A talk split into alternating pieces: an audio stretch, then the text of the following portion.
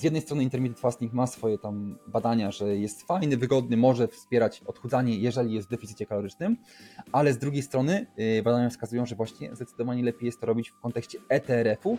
To już drugi raz e, wspominasz o takiej sytuacji, że dbanie o własne zdrowie trochę się sprzecza z życiem społecznym.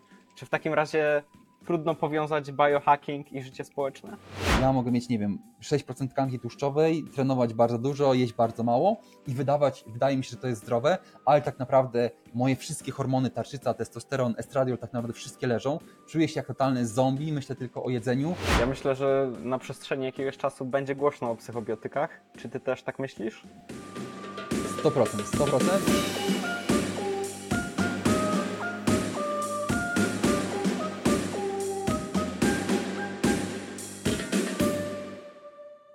Zgodnie z zasadą Pareto, 20% działań odpowiada za 80% rezultatów. I tak samo jest w biohackingu. Te podstawy, takie jak sen, odżywianie czy ruch, odpowiadają za większość rezultatów. Jednak są ludzie, którzy są gotowi wykonać pozostałe 80% działań dla tych niewielkich 20%.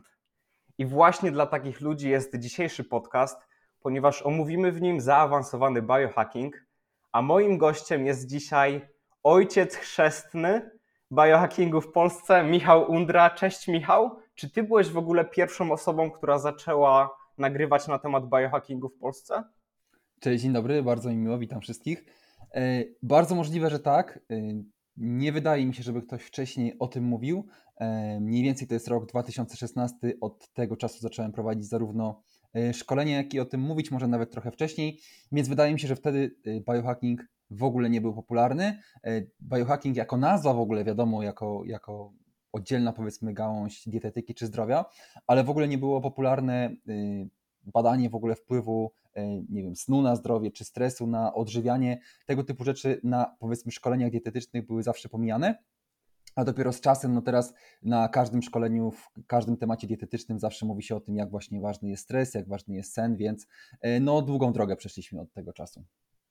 Zacząłeś nagrywać w 2016 roku, a w jakim roku zacząłeś się interesować biohackingiem? Mm, to ciężko określić tak dokładnie, bo w sumie dietetyką powiedzmy, że zajmuję się od ponad 10 lat i gdzieś tam zawsze ten biohacking jakieś elementy związane czy ze stresem, czy, czy ze snem, czy być może z aktywnością fizyczną w jakimś tam stopniu były poruszane, ale pewnie w mniejszym stopniu. Na początku to pewnie była zdecydowanie dietetyka. No więc powiedzmy, że może 2015-2016 to jest takie przejście tego zainteresowania właśnie z y, takiej typowo dietetyki na biohacking, chociaż na przykład doświadczenia z nootropikami, no bo to też jest powiedzmy, że temat związany z biohackingiem, już były znacznie wcześniej, więc, więc być może nawet wcześniej, ale ciężko to tak dokładnie jakby jednoznacznie określić. Czyli domyślam się, że Twoja przygoda zaczęła się dość naturalnie, z, z, dietetyki do biohackingu. Czy może jakoś inaczej to wyglądało? Tak, tak naprawdę zaczęła się od y, sportów powiedzmy sylwetkowych, kulturystyki. Przez to połączyła się z dietetyką, a potem przeszła na y, takie ogólne zdrowie i właśnie w dietetyce, y, jakby analizując aspekty dietetyczne, doszedłem do wniosku, że dieta nie zapewni mi pełni zdrowia, czy nie jest najważniejszym aspektem związanym ze zdrowiem. W sensie, że może nie jedynym i moim zdaniem osobiście też nie najważniejszym, czyli uważam, że inne aspekty, o które możemy dbać, mogą dać nam więcej.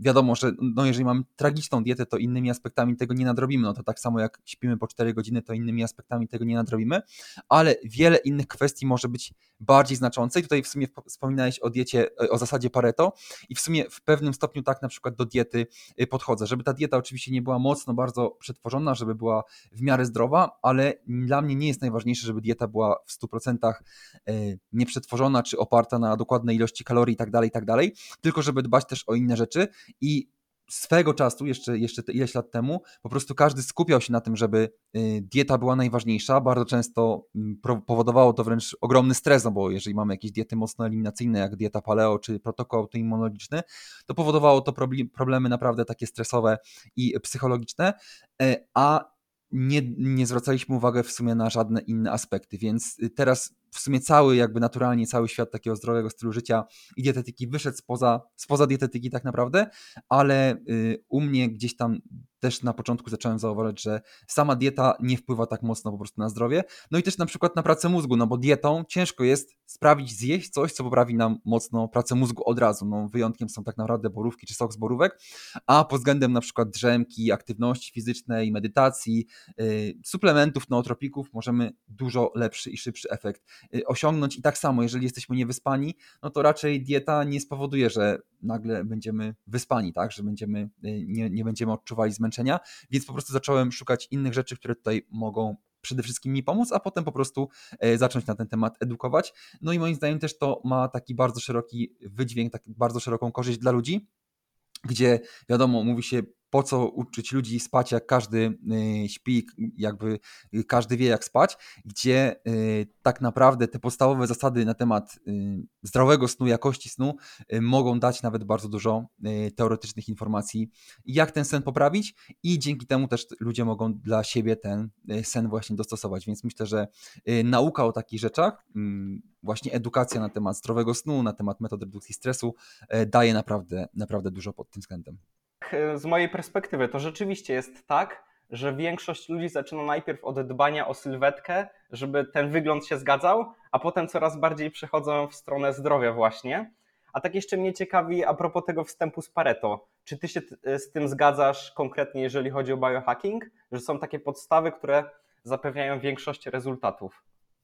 100%, 100%, bo tutaj yy, po prostu zadbanie o Y, sen, o zadbanie powiedzmy o redukcję stresu, no i aktywność fizyczną. Myślę, że aktywność fizyczną jeszcze nawet y, wyżej bym dał niż redukcję stresu y, na tę chwilę.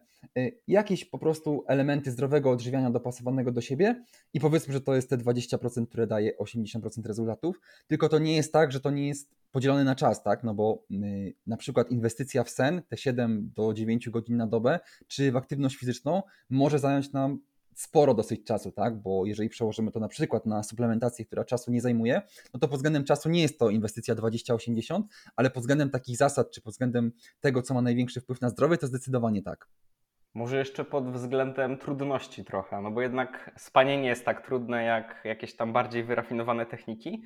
Jeszcze wspomniałeś, że stosujesz tą zasadę Pareto w przypadku Twojej diety, więc na jakiej aktualnie diecie jesteś? E, na tę chwilę znaczy, jeżeli chodzi o samą dietę, taką na przykład, czy to jest paleo, czy to jest y, low carb, czy tego typu rzeczy, to raczej tego nie określam, chociaż e, zmiany, które ostatnio wprowadziłem, to dieta jest bardziej wysokowęglowodanowa, to na pewno, bo dużo trenuję i to jest, to jest po prostu niezbędne, tutaj jakby nie ma żadnej alternatywy. I obecnie y, bardziej wysokobiałkowa, gdzie po prostu jeden z posiłków jest szejkiem białkowym, gdzie po prostu no, ciężko jest mi dostarczyć te 2 gramy na kilogram masy ciała przy mojej masie ciała prawie 100 kg, y, ale y, takie zasady, które dla mnie są istotne, to jest ETRF, czyli po prostu wczesna kolacja i staram się o 16, 17, może 18 po prostu jeść ostatni posiłek. Trzy posiłki w ciągu dnia, sporo białka, tyle ile się da tak naprawdę, bo znowu no, te 200 gramów nie jest łatwo. I raczej wysokobiałkowa, wysokowęglowodanowa, a poza tym po prostu głównie, żeby nie była przetworzona, ale y, jakoś, żebym dokładnie wszystko liczył, mierzył i tak dalej, czy na przykład trzymał się pór posiłków, że one są co do godziny, no to wiadomo, że nie. No i wiadomo też, że y, w życiu różnie bywa i czy w weekendy, czy gdzieś tam na wyjazdach, no te pory posiłków mogą się zmienić, wiadomo, że to jest też normalne, ale y, przy dużej aktywności fizycznej staram się też po prostu dbać o to, żeby powiedzmy ten nadmiar kalorii czy węglowodanów w jakiś tam sposób, jak to się mówi, spalić po prostu na treningu. E, kojarzę też, że nagrywałeś materiały na temat diety keto i pytanie, czy byłeś kiedyś na tej diecie? Oczywiście. I co się stało, że przestałeś? E, dieta keto no, jest w praktyce, po pierwsze, w takim codziennym życiu jest dosyć trudna do, e, do korzystania, jeżeli no, gdzieś wychodzimy, mamy jakieś takie powiedzmy szersze życie towarzyskie. Wiadomo, no, czy, czy wychodzimy ze znajomymi, czy, czy chodzimy na jakieś powiedzmy tak zwane imprezy, no to nie zawsze to keto jest łatwe do utrzymania. Chociaż no to nie jest może najważniejsza kwestia, chociaż dla mnie y, jakby też, jeżeli, jeżeli mówimy o, biohacking, o biohackingu i o zdrowiu, to kwestia y, wsparcia powiedzmy społecznego czy spędzania czasu z ludźmi jest na pewno też ważniejsza niż to, żeby y, bardzo martwić się o to, co zjem na przykład na wyjściu ze znajomymi, tak? Ten aspekt społeczny bardzo często też jest problematyczny w diecie, że y, no, ktoś jest na bardzo jakiejś tam ścisłej, rygorystycznej diecie i chodzi wszędzie ze swoimi pudełkami. Na przykład zdarza się, że ludzie na wesela chodzą, chodzą ze swoimi pudełkami. No jeżeli ktoś nie jest zawodowym sportowcem, no to uważam, że to jest no, trochę problematyczne, tak? I jakiś znowu stresor dodatkowy daje, albo jeszcze gorzej, że po prostu nie wychodzimy ze znajomymi, e, nie spotykamy się z kimś, bo y, mamy dietę, no to to już jest duże bardzo, y, bardzo duże poświęcenie, które myślę, że na zdrowie negatywnie może się po prostu na zdrowiu odbijać, więc to była na pewno jakaś kwestia. Y, Druga kwestia, myślę, że tak po prostu w praktyce, już abstrahując od powiedzmy wyjścia ze znajomymi, no, nie była ta dieta jakaś taka powiedzmy super prosta. Dieta keto, no to jest w pewnym stopniu już liczenie, e, dbanie o po prostu podaż węglowodanów i to też dieta keto z czasem się zmienia, potem tych węglowodanów musi być więcej. Dodatkowo bardziej dokładna suplementacja, bo przy diecie keto no, suplementacja na przykład składników mineralnych jest bardzo wskazana.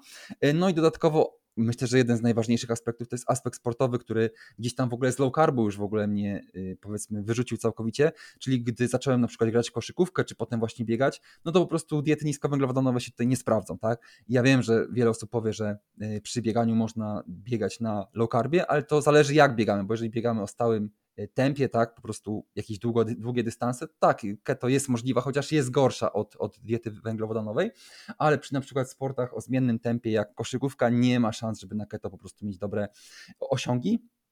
Więc tutaj to y, w jakimś tam stopniu już ostatecznie po prostu y, odwiodło mnie od stosowania keto, po prostu trenując ciężko, no ta dieta nie jest tutaj optymalna. Rozumiem Twoje podejście. Myślę, że kluczem w przypadku właśnie żywienia jest znalezienie odpowiedniego modelu dla siebie. Teraz Dokładnie. już przechodząc od e, e, żywienia, myślę, że potem i tak poruszymy ten temat, poruszymy suplementy, psychobiotyki. A teraz chciałbym Cię zapytać, jakie teraz zauważasz Ty trendy w biohackingu? Teraz ogólnie wydaje mi się, że jest mocny trend na psychodietetykę, ogólnie na aspekty psycho. E, sam studiuję, kończę właśnie psychodietetykę, więc coś, coś w tym na pewno jest. Gdzie znowu parę lat temu raczej nikt nie mówił o tym, że czy samo środowisko podczas odżywiania, czy jakieś tego typu rzeczy wpływają na, na to, ile jemy, czy jak trawimy. Teraz bardzo dużo się o tym mówi, więc myślę, że ten aspekt psychiczny, po prostu zdrowia psychicznego jest bardzo mocno takim trendem. A poza tym, czy widzę jakieś konkretne trendy? Nie wydaje mi się. Y, na przykład niedawno stosowałem też ten y, miernik poziomu glukozy we krwi, tak, Freestyle Libre i teraz widzę, że dużo osób też z tego korzysta, więc powiedzmy, że jakiś tam trend zapoczątkowałem. Na pewno jest trend na suplementację, ale to pewnie nigdy nie znika, to myślę, że zawsze jest trend na suplementy, tylko po prostu te, te, te suplementy się zmieniają. Pod względem diety myślę, że bardziej właśnie ten ETRF jest jest trochę bardziej promowany, co, te, co też mnie cieszy, że po prostu nie jeść na noc, nie jeść późnej kolacji. Dużo się wiadomo mówi o śnie. Kontekście po prostu poprawy snu i tutaj wiadomo, czy blokowanie niebieskiego światła, czy teraz kołdra obciążeniowa znowu, znowu czy, czy po, raz, po raz powiedzmy pierwszy bardziej stała się popularna, gdzie widzę, że ta kołdra obciążeniowa wychodzi poza w ogóle aspekty takiego biohackingu, że wiele osób związanych ze zdrowiem po prostu e, korzysta z takiej kołdry.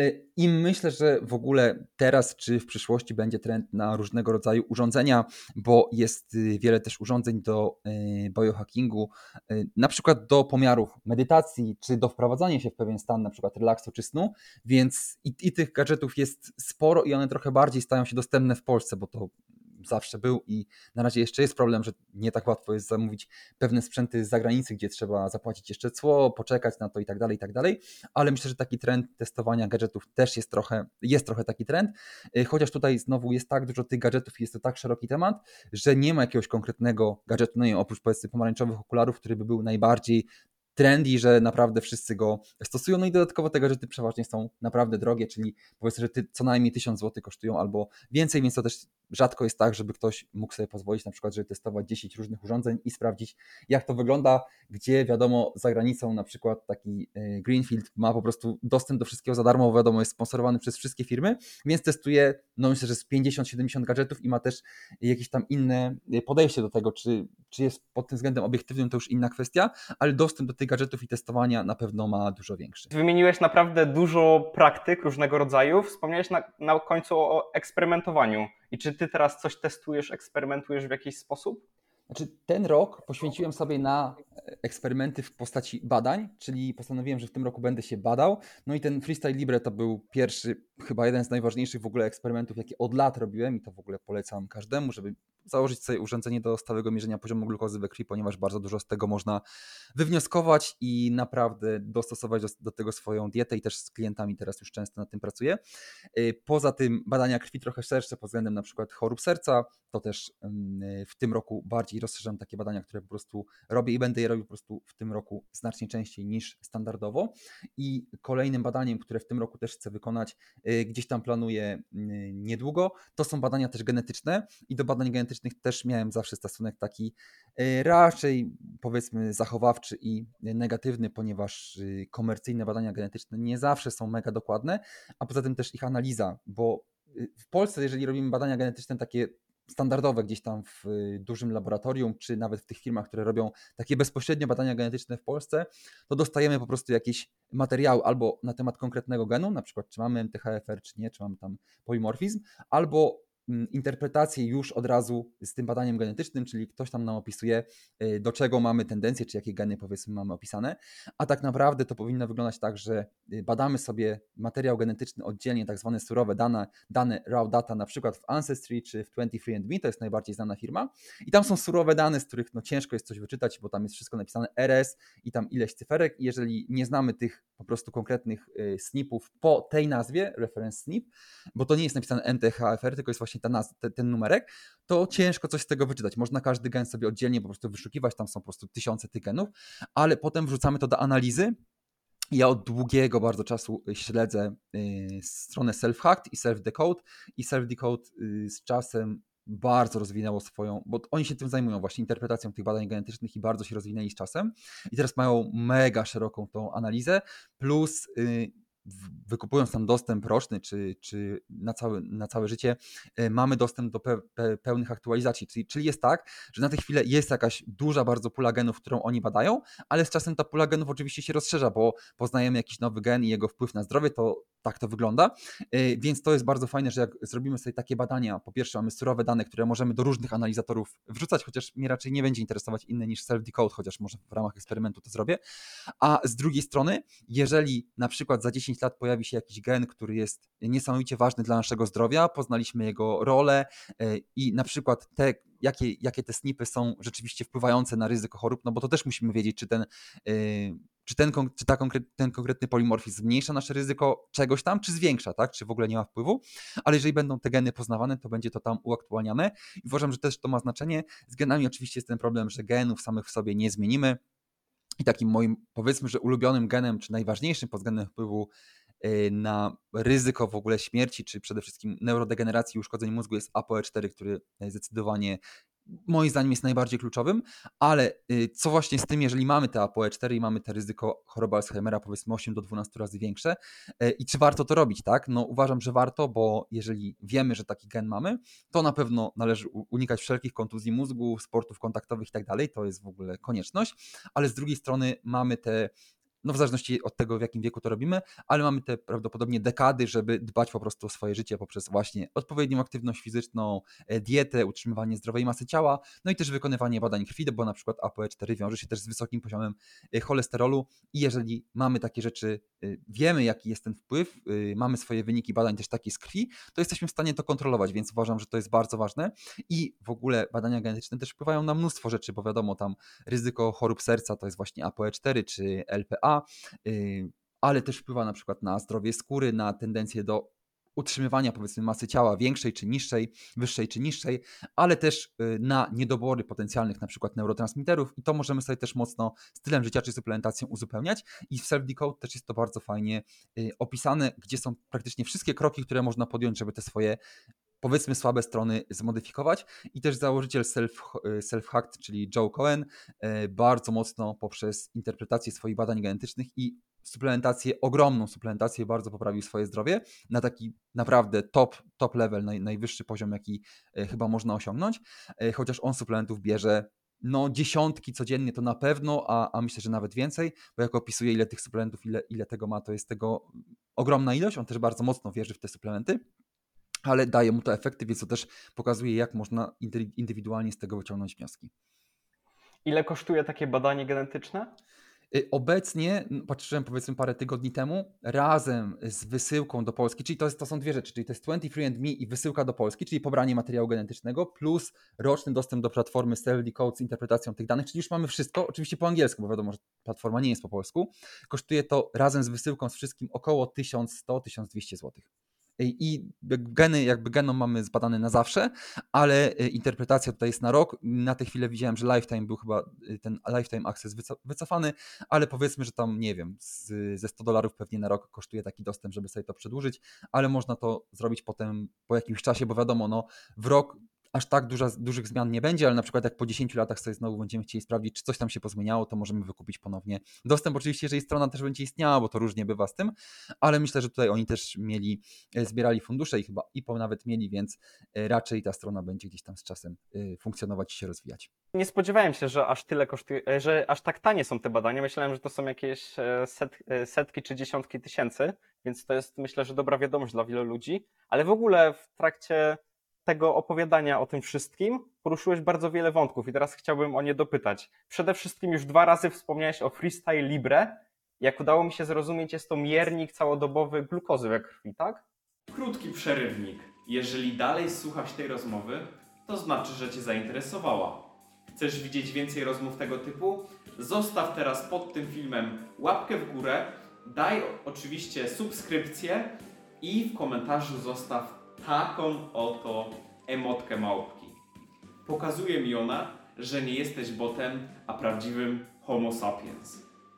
A w dodatku wspierasz cały projekt oraz moje morale. Dziękuję i wracamy teraz do rozmowy. Tak, tak. I tutaj może nie będę mówił bardzo szeroko na ten temat, bo, bo to jest temat na pewnie pół godziny rozmowy, ale w każdym razie e, Freestyle Libre jest takim małym urządzeniem, które tutaj się przyczepia z tyłu e, ramienia i mierzy stale poziom glukozy we krwi, tylko Freestyle Libre 2 akurat, bo w Polsce, co jest w ogóle dla mnie niezrozumiałe totalnie, w Polsce jest dostępna tylko wersja 2, a wersja 3 w zachodniej Europie i w Stanach jest dostępna od lat już, tylko w Polsce nie można aplikacji do tego pobrać, to w jakiś tam sposób można sobie ominąć po prostu pewnie VPN-em. W każdym razie Freestyle Libre 3 jest troszeczkę lepszą wersją, mniejszą bardziej dokładną e, i jest to tak zwany Flash Glucose Monitor, czyli on monitoruje glukozę, gdy pobierzemy dane z telefonu i on zapisuje tylko dane do 8 godzin, czyli co 8 godzin minimum musimy zbierać te dane z telefonu i on sam w sobie nie wysyła tych danych.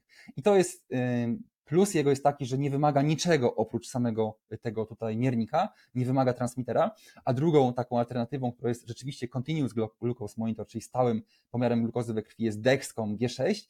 E, to jest podobne urządzenie, takie bardziej, ono ma taki taki kształt prostokątu, prostokąta i je się doczepia w trochę innych miejscach, bo można na klatce piersiowej, można na udzie, można na brzuchu ale to już jest rzeczywiście coś, co stale przez Bluetooth wysyła te sygnały, y, ten poziom glukozy we krwi. Nie ma tak, że jeżeli na przykład nie zeskanujemy go, to gdzieś tam nam pomiary uciekną. I dodatkowo no, na stałe możemy mieć pomiar, tak? Możemy cały czas w telefonie widzieć y, bieżące dane, bo tutaj we Freestyle Libre jest to tak, że jak zeskanujemy, to widzimy pomiar, który się już nie zmienia, tak? Musimy znowu zeskanować, żeby mieć nowy pomiar, więc to jest jakby Dexcom G6 to jest zdecydowanie wyższy poziom, y, ale on oprócz miernika wymaga jeszcze transmitera i wtedy cena troszeczkę no troszeczkę, dosyć znacząco w sumie wzrasta, wzrasta, jeżeli ktoś chce tylko jednorazowo na przykład użyć takiego y, czytnika, ale y, właśnie Dexcom jest zdecydowanie lepszą opcją, też bardziej dokładną, o tym Peter Attia też dokładnie w swoim podcaście opowiadał.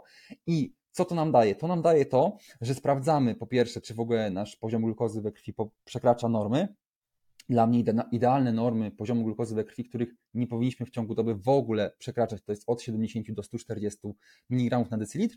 I y, jeżeli na przykład po posiłku, czy w okresie stresu, niewyspania, czy czegokolwiek, czy po kawie z mlekiem y, i cukrem, nasz poziom cukru we krwi, poziom glukozy we krwi się podnosi, no to jesteśmy w stanie sprawdzić, no ta rzecz y, wpływa na nasz, naszą glikemię w ten i w ten sposób. I z czasem sobie analizujemy, jakie rzeczy nam ten poziom glukozy we krwi podnoszą. No przede wszystkim analizujemy, czy nasz poziom glukozy we krwi jest za niski, czy za wysoki, tak? Bo jeżeli cały czas na przykład nasza glikemia jest w granicach, nie wiem, na czczo 100, 110, 115, a po posiłkach 180, 200, no to wiadomo, mamy duży problem, ale jeżeli okazuje się tak, że wielokrotnie w ciągu dnia na przykład nasza glikemia przekracza 150, 180 mg na decylitr, no to też jest duży problem i trzeba się tym jakby e, zająć, wiadomo, przez styl życia.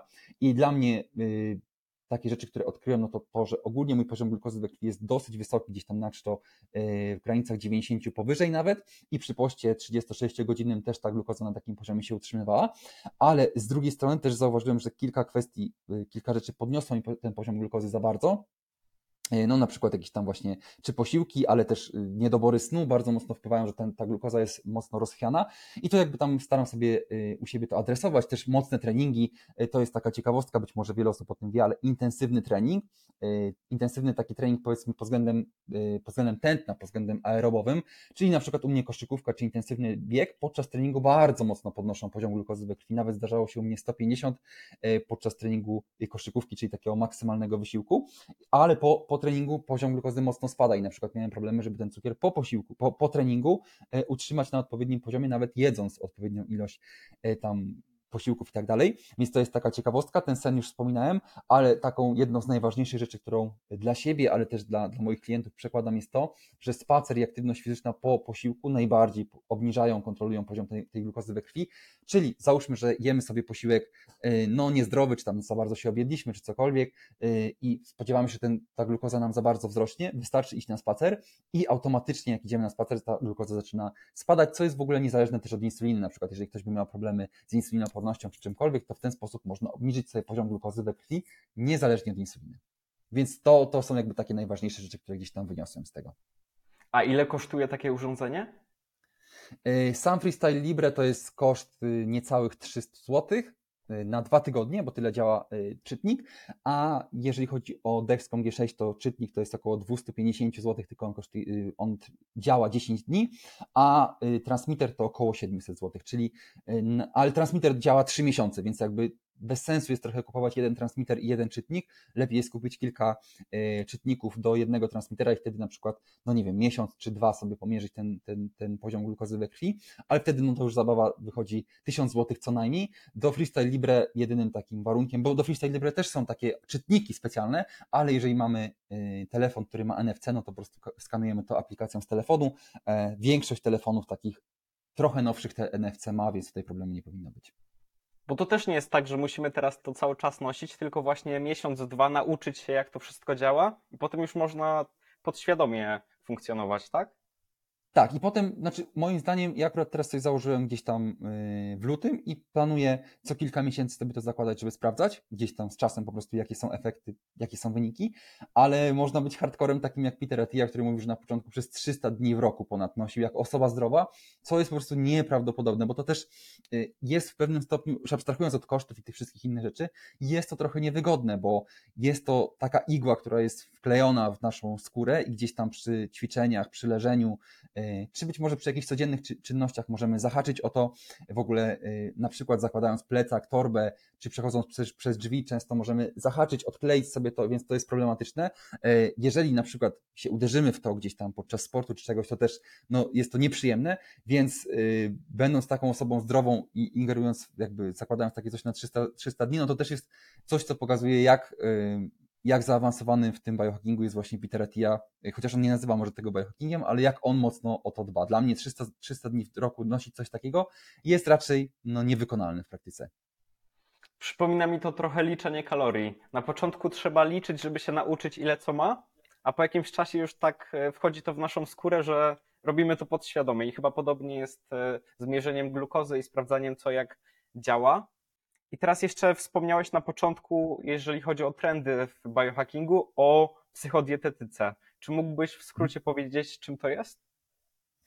E, psychodietetyka w różnym stopniu może tutaj oddziaływać na jakieś aspekty żywieniowe. Takie podstawowe rzeczy są takie, żeby podczas posiłku na przykład y, zadbać o to, żeby nie być zestresowanym, żeby na przykład y, wprowadzić jakieś metody redukcji stresu przed posiłkiem, głębokie oddychanie czy cokolwiek, żeby podczas posiłku być skupionym tylko na posiłku, na przykład wyłączyć wszelkie rozpraszacze, dać, dać sobie też ten czas, żeby tam odpowiednio rzucić ten pokarm i tak dalej, i tak dalej. A dodatkowo jest też tak jak powiedzmy, że w analizie poziomu glukozy we krwi, analiza tego, czy pewne emocje, stres czy inne rzeczy wpływają na to, jak się odżywiamy, jakie podejmujemy tutaj wybory żywieniowe, czy na jakąś naszą masę ciała, czy inne parametry tutaj wpływa. Więc ogólnie jest to taki szeroko pojęty, pojęty wpływ psychiki, emocji, stresu na odżywianie i psychodietetyka skupia się na tym, żeby ten aspekt minimalizować, czyli po prostu e, no, w ogóle zmniejszać odczuwany stres, wiadomo, to jest pewnie jakaś tam główna kwestia dla, dla większości osób, a z drugiej strony jeszcze szczególnie skupiając się na porach posiłków, skupiać się na tym, żeby ten okres był takim po prostu okresem wyciszenia, skupienia się po prostu na tym, na tym co, co jemy. Dzięki temu, żeby lepiej trawić, po, po pozbyć się objawów takich jak wzdęcia, czy zgaga, czy inne, plus do tego na przykład kontrolować masę ciała, bo przy stresie niektóre osoby mogą podczas stresu chudnąć, inne osoby mogą tyć, więc żeby to też skontrolować u siebie ilość spożywanych kalorii, no i żeby też podejmować bardziej świadome, zdrowsze takie decyzje żywieniowe, żeby po prostu zdrowsze rzeczy tutaj spożywać. I jeszcze wspomniałeś o ETRF-ie. Jak rozumiem, jest to mhm. po prostu nie jedzenie przed spaniem, tylko jest jakaś inna nazwa. Tak, to jest, znaczy to jest Early Time Restricted Feeding i ogólnie można powiedzieć, że to jest pewnego rodzaju okno żywieniowe, czyli intermittent fasting, okno żywieniowe, czy jakkolwiek to nazywamy. Tylko, że swego czasu, jak to się zaczynało znowu, okno żywieniowe, to raczej to była były pory powiedzmy 10-18 posiłków, czy, czy 12, okno żywieniowe od 10 do 18 albo od 12 do, do 20, a teraz y, z jednej strony intermittent fasting ma swoje tam badania, że jest fajny, wygodny, może wspierać odchudzanie, jeżeli jest w deficycie kalorycznym, ale z drugiej strony y, badania wskazują, że właśnie zdecydowanie lepiej jest to robić w kontekście ETRF-u, czyli po prostu nie jeść późno. I tak naprawdę jedną z najważniejszych rzeczy dla większości osób, bo też nie dla każdego, ale dla większości osób pod względem zdrowia będzie to, że żeby po prostu nie jeść y, późno kolacji. E, znowu, jeżeli są osoby, które mają problemy z mm, zbyt, ma, zbyt niską masą ciała czy z hipoglikemią, to dla nich na przykład spożywanie e, kolacji może być nawet skazane i tutaj ETRF, czy po prostu pomijanie jakichś posiłków okna żywieniowe może wręcz im zaszkodzić, więc to jest kwestia oczywiście e, indywidualna, ale dla większości osób, szczególnie tych, którzy, które zmagają się z nadmierną masą ciała, to właśnie spożywanie wcześniejszej kolacji nie dość, że mm, może się przełożyć na takie parametry jak odchudzanie i tak dalej. Chociaż nie chodzi o to, że po 18 kalorii jakby powodują tycie czy cokolwiek, ale powodują lepszą regenerację, lepszy sen, lepsze samopoczucie. I co ciekawe, nawet są takie badania, że późna kolacja powoduje, że rano y, mamy większy apetyt i w ogóle gorszą kontrolę y, spożywanych kalorii od rana, a jeżeli te, te kolacje spożywamy wcześniej, to rano możemy to lepiej kontrolować, więc to jest wszystko, dużo takich aspektów zdrowotnych ma długofalowo, no i wydaje się, że to jest taka najbardziej naturalna metoda po prostu, żeby nie jeść na noc, a właśnie jedzenie na noc, jedzenie wieczorem jest też związane z tym aspektem społecznym, o czym mówiłem. No, wychodzimy najczęściej ze znajomymi gdzieś tam w piątek wieczorem, tak, na kolację czy, czy na tego typu rzeczy. Wiadomo, że niektórzy może na lunchy biznesowe czy jakieś spotkania w ciągu dnia y, wychodzą, ale w większości przypadków w aspekcie społecznym jemy też z ludźmi wieczorem, czy na przykład idziemy do kina, czy gdziekolwiek, też najczęściej jemy wieczorem. Jeżeli mieliśmy stresujący dzień, to lampkę wina, czy jakieś jedzenie odpalamy też wieczorem. No i to jest wiadomo, raz na jakiś czas, jeżeli to się zdarza, jeżeli to jest kontrolowane, to nie ma z tym problemu. Znowu ten aspekt społeczny jest mega ważny. No ale jeżeli tak wygląda nasza codzienność, że rano czy w ciągu dnia nie mamy czasu za bardzo jeść, czy gdzieś tam pomijamy te posiłki, a wieczorem otwieramy lodówkę jemy wszystko, co możemy, no to to jest właśnie, to już ma największe znaczenie wtedy to już drugi raz e, wspominasz o takiej sytuacji, że dbanie o własne zdrowie trochę się sprzecza z życiem społecznym. Czy w takim razie trudno powiązać biohacking i życie społeczne? Nie, znaczy y, w jednej teorii tak, ale dla mnie, tak jak wspomniałem wcześniej, zdecydowanie ważniejszy jest ten aspekt społeczny niż dbanie o o to, żeby nie zjeść, nie zjeść czegoś tam o którejś konkretnej godzinie. Jeżeli to jest oczywiście w, ramach, w ramach zdrowych jakichś tam granic, tak? No bo jeżeli wychodzimy codziennie e, ze znajomymi z osiedla na piwo, czy tam na jakieś pizzę, czy coś, no to wiadomo, że to nie, nie będzie zdrowe. Ale jeżeli raz w tygodniu, dwa razy w tygodniu spotykamy się ze znajomymi, to, to wsparcie społeczne, rozmowy, zrelaksowanie się jest dużo ważniejsze dla naszego zdrowia i to w ogóle z badań wynika, ale z mojego przykładu to też jest jedna z rzeczy, która jest dla mnie pewnie pod względem zdrowia w ogóle najważniejsza, ten aspekt wsparcia społecznego i gdzieś tam, gdy tego wsparcia społecznego nie było, no to wiem, że to, to jest coś, czego też nie da się przełożyć na, na nic innego. Zdrowy sen, dieta, nie wiem, aktywność fizyczna nie zastąpi nam kontaktu z ludźmi. No, najprościej jest mówić o wsparciu społecznym, yy, po angielsku to mówi się jakoś tam relationships, tak, czy po prostu no nie wiem, związki, relacje, relacje z ludźmi, tego nie da się zastąpić. Więc jeżeli e, nasze założenia, powiedzmy dietetyczne, czy jakieś inne, powodują to, że nie mamy kontaktu z ludźmi, nie mamy tego wsparcia społecznego, no to jest to duży problem. Z jednej strony dbamy o swoje zdrowie pod względem dietetycznym, ale pod względem takim, powiedzmy, mentalnym, e, z czasem przyniesie nam to też problemy i są osoby, które tego kontaktu potrzebują więcej, są osoby, które potrzebują tego kontaktu mniej, wiadomo, to jest oczywiste, ale ten kontakt jest niezbędny dla każdego i w ogóle taką jedną z najważniejszych, najgorszych metod tortur tak naprawdę jest izolacja. Jeżeli nie mamy kontaktu z ludźmi, no to jest to jedna z najgorszych rzeczy dla naszego zdrowia mentalnego. Wyjątkiem mogą być osoby, które mają bardzo duże problemy zdrowotne, na przykład ktoś ma celiakię, tak, no to on glutenu nie może jeść, nie ma tutaj opcji, żeby ten gluten gdzieś tam wychodzić na e, pizzę i jeść pizzę z glutenem, tak, ale teraz na przykład nie ma problemu, żeby y, wybierać alternatywy bezglutenowe. Tak samo, jeżeli ktoś ma jakieś problemy, nie wiem, z IBS-em, czy z jakimiś problemami ogólnie zdrowotnymi, poważnymi, chorobami zdrowotnymi, to być może wtedy yy, podczas wychodzenia ze znajomymi unikanie całkowite alkoholu czy pewnych rzeczy, w ogóle jedzenia, może być konieczne, żeby te zdrowie zachować, tak? I wtedy rzeczywiście yy, możemy robić tak, że wychodzimy ze znajomymi i nie jemy z nimi te, tych, tych potraw, czy czegoś tam unikamy, ale wtedy no, też jest kwestia do, powiedzmy, takiego dogadania, że wiemy, że mamy jakieś tam problemy zdrowotne i żeby też nie było takiej presji, bo to też jest z drugiej strony taka często, często, nieczęsto, w zależności od tego, w jakim środowisku się obracamy, ale jeżeli jest na przykład wychodzimy ze znajomymi z pracy, czy z jakąś tam większą grupą osób, którzy nie są naszymi, naszymi przyjaciółmi i mamy jakieś problemy zdrowotne, czy jakieś rzeczy, które nie pozwalają nam, powiedzmy, jeść wszystkiego, czy mamy jakieś tam ograniczenia w diecie, czy w czymkolwiek, no to nie będziemy każdemu tłumaczyć, że o, mam na przykład, nie wiem, jakąś tam chorobę i nie mogę tego jeść, tylko wtedy nie chcemy o tym mówić, a inne osoby mogą nas namawiać, tak? Naj, najsłynniejsze jest to, czy ze mną się nie napijesz, tak? Więc też jakaś tam asertywność i dbanie o to, dla, z jednej strony może być stresem też, bo to jest często stresor, ale z drugiej strony warto o to dbać, żeby tę asertywność sobie wyrobić i żeby y, móc wychodzić właśnie nawet w takich sytuacjach y, z ludźmi, mieć ten kontakt i y, w jakiś tam sposób po prostu odmawiać tych rzeczy, których na przykład nie możemy zrobić.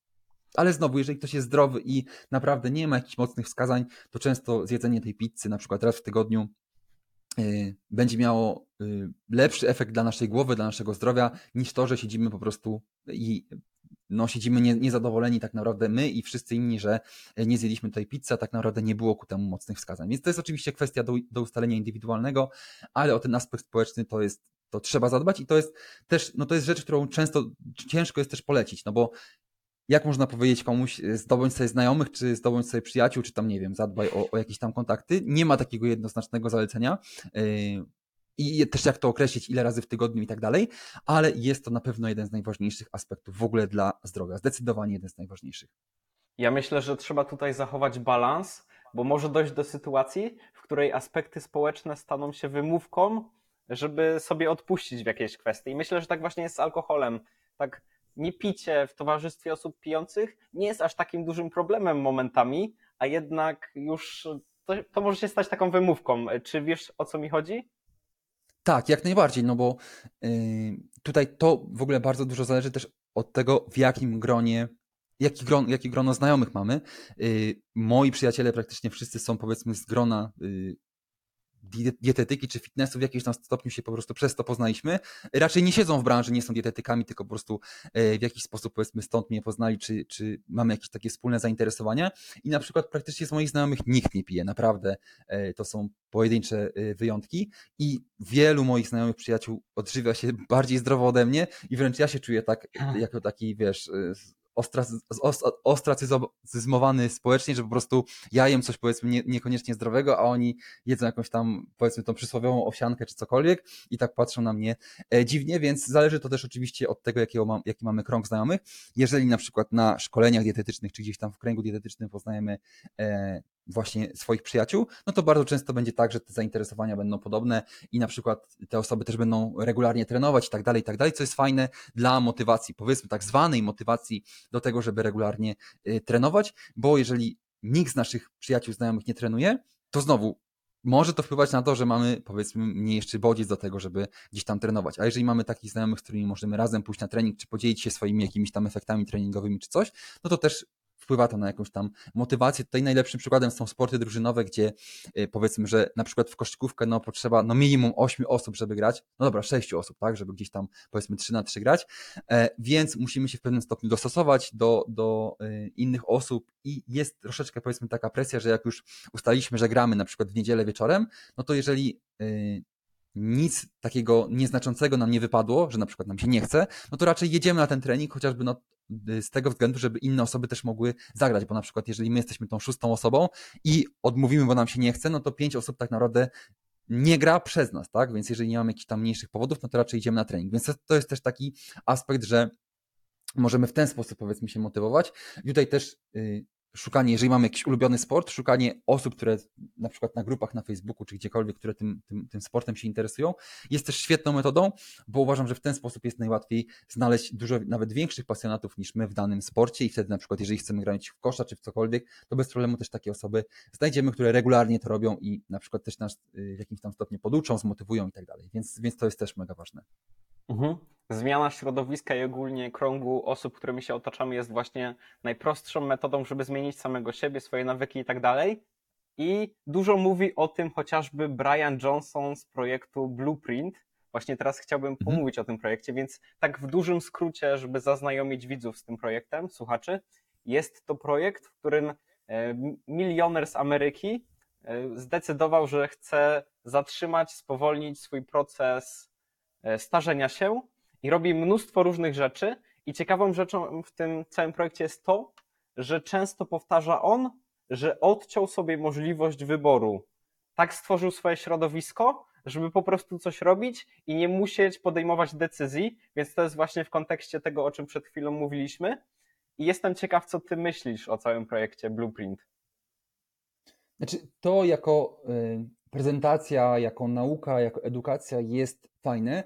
Y, Z tego co wiem, bo ja to gdzieś kiedyś tam analizowałem, wysłałem na ten temat newslettera, ale jakoś nie śledzę tego i nie jestem jakimś tam wielkim fanem, ale nie wydaje mi się, żeby y, tutaj ta osoba była super mocno zaawansowana w temacie y, biohackingu. Ma jakąś tam wiedzę, ale nie wydaje mi się, że wszystkie rzeczy po prostu, które robi są no powiedzmy wspierające długowieczność, tak? Być może, być może nie wszystko, co robi. No wiadomo, my też nie wszystko na ten temat wiemy, tak? Nie wiemy dokładnie na przykład jaka by była dieta totalnie idealna, żeby wspierać naszą długowieczność, czy jak dokładnie trenować co do minuty, żeby, żeby tę długowieczność wspierać, jakieś tam pewne zasady mamy, ale yy, myślę, że jeżeli to nie jest właśnie osoba, która się tym zajmuje tak naprawdę yy, zawodowo, tak, no bo czymś innym też się zajmuje, no to raczej tej wiedzy takiej ogromnej nie ma. I znowu Peter Attia jest tutaj y, taką osobą, która nie dość, że sam z siebie jakby dba o te aspekty zdrowotne, a z drugiej strony tak naprawdę na co dzień siedzi w tym, że po prostu przeprowadza podcasty, rozmowy, czyta badania, y, napisał książkę, tak, i w ogóle siedzi w tym temacie cały czas,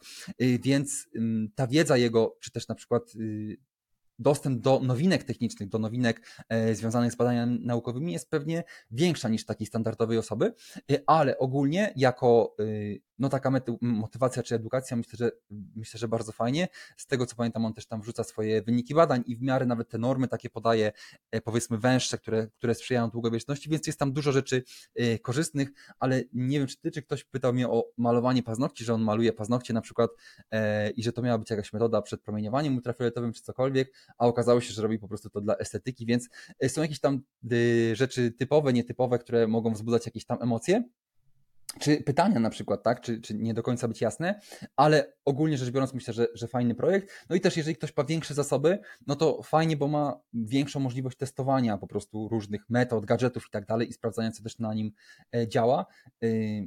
Gdzieś był też taki film, który on pokazywał, y, gdzie pokazywał mniej więcej chyba swój poranek czy dzień i jak, jak wstawał rano i, i wyglądałem jak wygląda z- y, z rana, to gdzieś tam dbając też o sen i, i te aspekty, nie wyglądał jak, jako osoba super zadowolona y, rano, wyspana i tak dalej, że się przebudził, raczej wyglądał na takiego mocno, że tak powiem, może przetrenowanego czy przemęczonego wręcz, więc, bo też oczywiście ma niski poziom tkanki tłuszczowej, w ogóle tą sylwetkę ma dobrą, ale nie wiem, czy to, co sobie narzu- narzuca, nie jest po prostu dla niego, dla jego organizmu też zbyt dużo, tak? I być może wręcz przekracza te granice takiej zdrowej, powiedzmy, ilości sportu, czy zdrowej ilości na przykład restrykcji, że wręcz w pewnym stopniu jakieś tam aspekty na niego wpływają negatywnie, ale to ciężko jest stwierdzić. No i też aspekt długowieczności w ogóle jest na tyle trudny, że my żyjemy jako ludzie dosyć długo, więc to, czy na przykład suplement A mi szkodzi, czy nie, a jak biorę jeszcze suplementów 20 innych, ciężko jest bardzo określić, tak? I nawet y, w kontekście tego, co on robi, nie jest w stanie on dokładnie określić, czy konkretne rzeczy wpływają na niego korzystnie, czy nie. Y, To gdzieś tam z czasem być może będzie do tego dochodził. Na pewno ten protokół też będzie zmieniał, on w ogóle się zmienia, tak? Bo jest update'owany ale z czasem na pewno i on, i, i, i, ludzie pewnie, którzy go obserwują, i za pomocą też ludzi, którzy go obserwują, którzy komentują mu te rzeczy, pewnie dojdzie do coraz lepszych wniosków, tak? To, to będzie na pewno ulepszane. Więc yy, zdecydowanie na plus.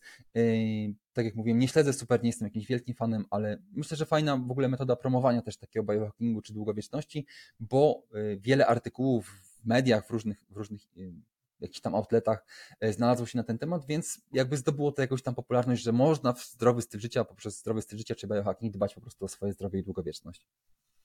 A właśnie a propos jego tkanki tłuszczowej, jest ona bardzo niska, 5-6%. I czy to jest zdrowe?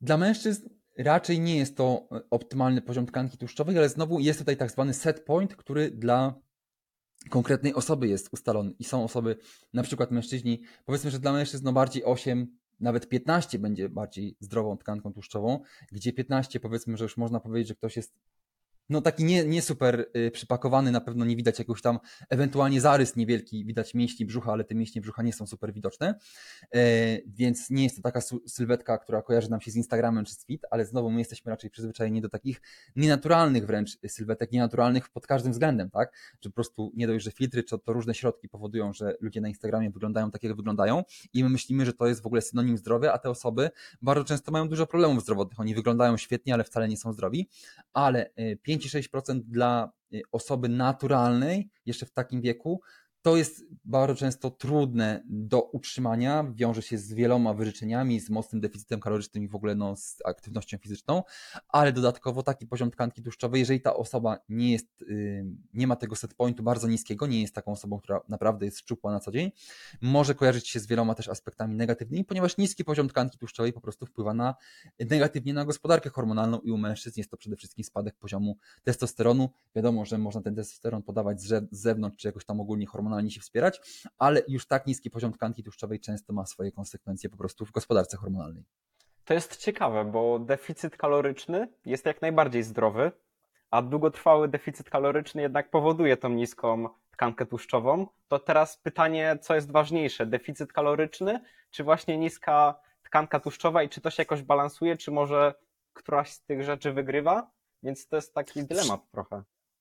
To jest wszystko w skali, bo yy, jeżeli mamy osobę otyłą, otyłą z nadwagą czy cokolwiek, to deficyt kaloryczny jest pewnie najlepszą rzeczą dla swojego zdrowia, jaką może zrobić. Chociaż ostatnio było też takie bardzo przełomowe dla mnie przynajmniej badanie, które pokazało, że osoby, które mają nadwagę, ale są wysportowane, to po angielsku w badaniach jest po prostu fitness, które mają wyższy poziom fitness, czyli no jakiegoś tam aktywności fizycznej, wysportowania yy, czy cardio, yy, mają lepsze zdrowie niż osoby o zdrowej masie, masie ciała, które mają niski fitness, czyli które nie trenują. Więc ogólnie rzecz biorąc na tę chwilę najważniejszą prawdopodobnie rzeczą dla zdrowia jest aktywność fizyczna i dlatego też od pewnego czasu zarówno u mnie w praktyce, jak i w teorii dużo więcej mówię o aktywności fizycznej, bo pewnie to jest najważniejsza rzecz, którą możemy zrobić nawet jeżeli mamy nadwagę, bo swego czasu bardzo dużo y, było badań na ten temat, że nadwaga jest bardzo dużym problemem zdrowotnym, zwiększa ryzyko wszelkich chorób chronicznych, stany zapalne itd., tak itd., tak więc najważniejszą rzeczą, żeby do, do zrobienia było schudnięcie, teraz pewnie najważniejszą rzeczą było po prostu, żeby trenować, a drugą byłoby, żeby schudnąć, ale znowu, jeżeli mamy osobę z nadwagą i w ogóle problemami z masą ciała, to deficyt kaloryczny będzie jedną z najważniejszych rzeczy dla jej zdrowia, po prostu, żeby tę tkankę tłuszczową zmniejszyć i żeby zmniejszyć stany zapalne i zmniejszyć ryzyko różnych chorób. Ale z kolei jeżeli mamy osobę na przykład z hipoglikemią, co też już wspominałem wcześniej, czy zbyt niską masą ciała i ta osoba wchodzi na deficyt kaloryczny, to jej nie będzie to y, służyć, będzie jej wręcz szkodzić, tak? Będzie pogłębiać problem hipoglikemii, będzie pogłębiać tak naprawdę problem stresu w organizmie, bo taki deficyt kaloryczny będzie tutaj stresem. I okresowe stresy, y, okresowe deficyty kaloryczne, posty, tego typu rzeczy są fajne. Jeżeli mamy zdrową masę ciała i nie mamy tutaj problemów z jakąś tam niedowagą, to jak najbardziej, ale nie dla każdego. I tutaj też poziom tkanki tłuszczowej no, należy w miarę dostosować do swojego set pointu, czyli po prostu do takiego, który powiedzmy zdrową dietą jesteśmy w stanie w miarę utrzymać bez ogromnych jakichś drakońskich restrykcji. I nie dla każdego te utrzymanie na przykład 8% tkanki tłuszczowej, gdzie już naprawdę 8% tkanki tłuszczowej to już widać mięśnie brzucha bardzo dobrze i, i jesteśmy docięci i dla mężczyzn jest to myślę, że naturalnie taki raczej cel do, do osiągnięcia ostateczny. Rzadko kto powinien nie wiem, poza zawodami schodzić poniżej tego poziomu tkanki tłuszczowej, jeżeli mówimy o aspekcie zdrowotnym, e, naturalnie, tak, no bo wiadomo, przy środkach jest to inaczej, e, a dla innej osoby na przykład 12% będzie bardziej zdrowe i też trzeba patrzeć po prostu, czy nasze hormony i inne rzeczy wszystkie działają odpowiednio, bo znowu, ja mogę mieć, nie wiem, 6% tkanki tłuszczowej, trenować bardzo dużo, jeść bardzo mało i wydawać, wydaje mi się, że to jest zdrowe, ale tak naprawdę moje wszystkie hormony, tarczyca, testosteron, estradiol, tak naprawdę wszystkie leżą, czuję się jak totalny zombie, myślę tylko o jedzeniu, nie mam ochoty na nic, totalna anhedonia i w ogóle wszystkie y, moje neurotransmitery też leżą. No i czy ja jestem zdrowy? No, w kontekście zdjęcia czy Instagrama mogę wyglądać na zdrowego, tak? Bo gdzieś tam na zdjęciu mogę się napiąć i mogę wyglądać zdrowo, ale czy jestem zdrowy? No raczej, raczej nie.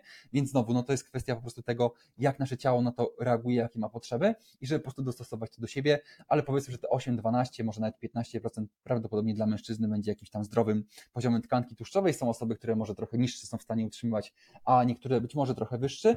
U kobiet oczywiście ten poziom tkanki tłuszczowej jest na pewno wyższy, ale znowu u kobiet w ogóle ten efekt jest bardziej widoczny i bardziej odczuwalny, bo jeżeli kobieta jest przez dłuższy czas na deficycie mocnym, czy na jakiejś diecie, czy robi jakieś posty, czy cokolwiek, to e, na przykład okres robi się nieregularny, albo zanika, albo powod, powod, pojawia się mocniejszy PMS, więc nawet nie badając sobie tego, u kobiet jesteśmy w stanie to po prostu dosyć jasno i szybko y, w stanie odczuć.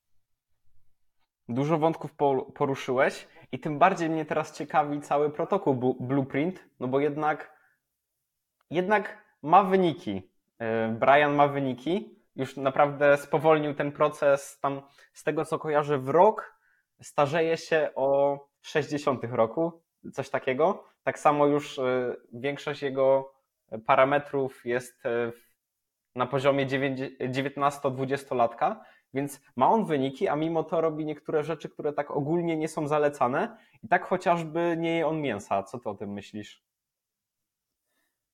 No, to, to, to temat będzie mocno też pewnie ideologiczny, chociaż ogólnie teraz coraz więcej badań wychodzi, które mówią, żeby zastępowanie jakiejś części mięsa y, białka pochodzenia zwierzęcego białkiem pochodzenia roślinnego, bo to tak naprawdę sprowadza się głównie do kwestii białka. Mięso to jest głównie białko, tłuszcze wiadomo jak najbardziej, ale na przykład w mojej diecie mięso jest głównym źródłem y, Białko, y, mięso dostarcza przede wszystkim białka, to jest najważniejsze w spożywaniu mięsa. Więc jeżeli zamieniamy te produkty zwierzęce, białko pochodzenia zwierzęcego na białko pochodzenia roślinnego, to możemy zmniejszyć ryzyko śmierci. To o 20-30%, nawet dziś wczoraj takie badanie widziałem, więc y, to jest, wydaje się, że znaczące, ale zawsze jest ten aspekt z jednej strony, że Mięso występuje w bardzo różnych rodzajach, że tak powiem, czyli stopień przetworzenia mięsa, bo, bo do przetworzonego mięsa zaliczają się na przykład hot dogi, hamburgery czy pizza, więc wiadomo, jeżeli bierzemy mięso przetworzone jako fast foody, tak, no bo hamburgery czy inne rzeczy y, są elementem spożywania mm, przetworzonego mięsa. Jeżeli to wyeliminujemy, to wiadomo, że poprawimy swoje zdrowie, jest mięso przetworzone, jest mięso nadmiernie przysmażone, tłuste i tak dalej, i tak dalej, więc dbając o raczej chude mięso, bo mięsie jest dużo tłuszczy nasyconych, co w ogóle w mięsie, y, jeżeli mamy, załóżmy karkówkę, która powiedzmy, że ma około 20 gramów tłuszczu na, na 100 gramów, to tam jest około połowy jedno nienasyconych kwasów tłuszczowych, tych najzdrowszych, kilka procent wielonienasyconych kwasów tłuszczowych i około 45% kwasów tłuszczowych nasyconych, więc to nie jest tak, że w mięsie są tylko kwasy tłuszczowe nasycone. W nabiale jest więcej kwasów tłuszczowych nasyconych, albo w oleju y, kokosowym na przykład, ale ogólnie spożywanie dużej ilości tłuszczów nasyconych nie jest wskazane i wiem, że na ten temat są też oczywiście różne dyskusje. Dla mnie jest to jasne i tutaj nie mam wątpliwości, że nadmiar kwasów tłuszczowych nasyconych będzie szkodliwy. W środowisku keto oczywiście mówi się inaczej, znaczy nie, nie, w, nie w każdym środowisku keto, ale wielu zwolenników keto zaleca spożywanie kwasów tłuszczowych nasyconych i cholesterolu. Ale w każdym razie, jeżeli e, bierzemy pod uwagę mięso dobrej jakości, czyli bardziej chude, e, spożywane nie jakoś tam mocno e, obrobione termicznie, nie przysmażone, nie przypalone, bo wtedy po prostu różne też związki szkodliwe powstają, to uważam, że jak najbardziej takie mięso możemy spożywać i dbać o swoje zdrowie. Trochę moich znajomych przeszło na dietę wegetariańską i y, czuję fajne efekty z tego. Ja na tę chwilę nie wyobrażam sobie za bardzo tego. Przez jakiś czas próbowałem diety wegetariańskie, ale nie służyło mi to za bardzo. Być może kiedyś jeszcze tam spróbuję na tę chwilę. E, ciężko y, byłoby mi sobie wyobrazić dietę bez mięsa. Wiem, że to też dla wielu osób może być wręcz obraźliwe, ale u mnie mięso znowu zapewnia to białko, ale też zapewnia najlepszą sytość i naprawdę spożywając po prostu y, większą ilość, większą czy mniejszą po prostu mięso do posiłku czuję się bardziej syty, czuję się lepiej, e, więc i uważam, że też są pewne predyspozycje, które mogą po prostu predysponować mm, pewne osoby do bardziej konsumpcji mięsa lub y, do mniejszej konsumpcji mięsa. Ja uważam, że zawsze, znaczy od zawsze miałem tak, że jednak to mięso gdzieś tam było dla mnie istotnym elementem i jednym z ważniejszych elementów po prostu posiłku, więc na tę chwilę uważam, że ograniczenie mięsa mogłoby się przełożyć na moje zdrowie, czy na moje jakieś tam osiągi negatywnie, albo jeżeli miałbym już przechodzić, wiadomo, na dietę wegetariańską, wymagałoby to dużego planowania, żeby jeszcze, tak jak mówiłem, te 200 gramów białka dostarczyć z diety wegetariańskiej. No jest to dosyć, wegetariańskiej, tak, bo już nie mówię o diecie, diecie wegańskiej, mogło być to trochę skomplikowane, e, czy wymagałoby na przykład dużej ilości jakiegoś tam nabiału, twarogu i tak dalej. Wiadomo, że jest to możliwe, jest to wykonalne, ale na tę chwilę dla mnie raczej trudne do wprowadzenia. I, i nie planuję w najbliższym najbliższym czasie też zmieniać y, swojego podejścia na dietę y, bezmięsną, wegetariańską czy y, ograniczanie tego mięsa. Rozumiem, że mówiąc o tłuszczach nasyconych, bazujesz na badaniach naukowych, tak? Tak. Bo z drugiej strony właśnie środowisko keto też bazuje niby na badaniach naukowych i teraz to jest takie zgrzyt, nie wiadomo komu wierzyć. Znaczy, no, ja rozumiem, jakby też badania naukowe różnie można przedstawiać, ale yy, kwasy tłuszczowe nasycone podnoszą poziom cholesterolu LDL i cholesterol LDL jest tak zwanym tym yy, cholesterolem złym i yy, z drugiej i tutaj w, na ten temat raczej nie ma y, wątpliwości, to jest raczej jasne, po prostu kwasy tłuszczowe nasycone podnoszą poziom cholesterolu LDL y, i nie mówimy tutaj o cholesterolu, mówimy tutaj o kwasach tłuszczowych nasyconych, bo to chciałbym rozdzielić, to są zupełnie inne rzeczy. Cholesterol w mięsie czy tam w jedzeniu to jest zupełnie co innego niż kwasy tłuszczowe nasycone, które podnoszą poziom cholesterolu LDL. No i z drugiej strony, czy cholesterol LDL wpływa na ryzyko chorób sercowo-naczyniowych? No jak najbardziej, tutaj też i znowu w środowisku keto bardzo często się neguje ten wpływ cholesterolu LDL na ryzyko chorób serca i tak naprawdę, że w ogóle LDL nie ma tutaj znaczenia. LDL jak najbardziej ma znaczenie, jest z takich podstawowych badań, które możemy sobie wykonać, jest jednym z najistotniejszych, które wpływa na ten ryzyko rozwoju chorób serca i na, te, na, te, na ten temat. Moim zdaniem totalnie nie ma wątpliwości, bo są różne badania z interwencjami, są badania genetyczne, gdzie na przykład pokazuje, y, bada się osoby, które genetycznie mają niski poziom cholesterolu LDL i wysoki, jakie jest ich ryzyko chorób y, serca, jak obniżanie poziomu cholesterolu LDL wpływa na ryzyko rozwoju chorób serca i tak dalej, i tak dalej. I te efekty są jednoznaczne, że po prostu niższy poziom cholesterolu LDL to niższy poziom ryzyka chorób serca. Jest jeszcze poziom cholesterolu HDL, czyli tak zwany ten dobry cholesterol, który też kwasy tłuszczowe nasycone podnoszą i to też oczywiście warto zwrócić na to uwagę. Jednak żadne interwencje, które podnosiły poziom cholesterolu HDL nie wpływały na ryzyko chorób serca, więc cholesterol HDL być może nie ma aż takiego dużego znaczenia. I tutaj jeszcze chciałem zaznaczyć, że cholesterol LDL to jest jakby ilość, powiedzmy, stężenie tego cholesterolu we wszystkich cząsteczkach, które wpływają sobie w naszym krwiobiegu, w tych lipoproteinach, ale na tę chwilę y, jeszcze w Polsce nie, ale na przykład w Kanadzie i prawdopodobnie gdzieś tam w przyszłości będzie to przychodzić też do nas. W zaleceniach już, już jest, żeby badać poziom ApoB i LPA. ApoB, czyli apo, apolipoproteina B, to, to tak naprawdę określa, ile cząsteczek cholesterolu LDL mamy w swoim krwiobiegu, czyli możemy mieć stężenie cholesterolu LDL załóżmy 100, ale znajduje się to w niewielkiej ilości większych cząsteczek. Ale możemy mieć też stężenie cholesterolu LDL 100, ale możemy mieć bardzo dużo małych cząsteczek. Jeżeli mamy bardzo dużo małych cząsteczek, no to zwiększa ryzyko chorób serca. I ApoB tam jest w normie standardowej do jednego, ale na przykład też właśnie wielu ekspertów od e, ryzyka chorób serca mówi, żeby te ApoB tak naprawdę trzymać no, nisko i na, na pewno poniżej 0,80, a najlepiej poniżej 0,60, jeżeli naszym celem jest, jest, jest też długowieczność i to będzie jeden z najważniejszych celów dla naszego zdrowia, żeby ryzyko, y, zmniejszać ryzyko chorób serca. No i jest też aspekt genetyczny, tak jak mówiłem, y, apolipoproteina E, która y, zwiększa na przykład stężenie cholesterolu, może powodować hipercholesterolemię, ale z drugiej strony jest też lipo, LPA, czyli lipoproteina małe a, która sama w sobie jest czynnikiem genetycznym, która zwiększa ryzyko rozwoju chorób sercowo-naczyniowych i LPA na tę chwilę są pewne metody, które mogą obniżyć LPA, ale nie wpływają na ryzyko chorób serca, na przykład witamina B3, ale ogólnie samo w sobie wysokie LPA jest prawdopodobnie jednym z najważniejszych genetycznych czynników, które zwiększa ryzyko chorób serca i LPA tak naprawdę do tych cząsteczek ApoB, o których mówiłem, jest taką dodatkową powiedzmy powiedzmy, że powłoką, czymś, co dodatkowo do tych cząsteczek się doczepia i powoduje, że one są tak zwane bardziej miażdżycogenne czy arterogenne, yy, więc yy, Moim zdaniem tutaj pod względem cholesterolu, ApoB i LPA nie ma w ogóle y, wątpliwości, czy to wpływa na ryzyko chorób serca, czy nie. Wiem, że badania różnie można przedstawiać, różnie można interpretować pod swoje jakieś tam zalecenia, ale y, u mnie, bo, bo to też jakby każdy może interpretować to jak chce i ja nie mam tutaj takiej roli, żeby z kimś się na ten temat powiedzmy wykłócać, czy mieć, przedstawiać swoją rację jednoznacznie, ale dla mnie, czy dla moich klientów ważne jest, żeby po prostu ten poziom przede wszystkim ApoB na tę chwilę obniżać i trzymać na niskim poziomie, szczególnie jeżeli ktoś ma czy większe ryzyko, na przykład ze, względu, ze względów rodzinnych, czy być może miał jakieś incydenty sercowo-naczyniowe, żeby wpływać na to, żeby te szczególnie ApoB, ale też LP, e, cholesterol LDL, żeby były raczej niskie i żeby dbać o to, żeby tego poziomu cholesterolu i ApoB nie podnosić.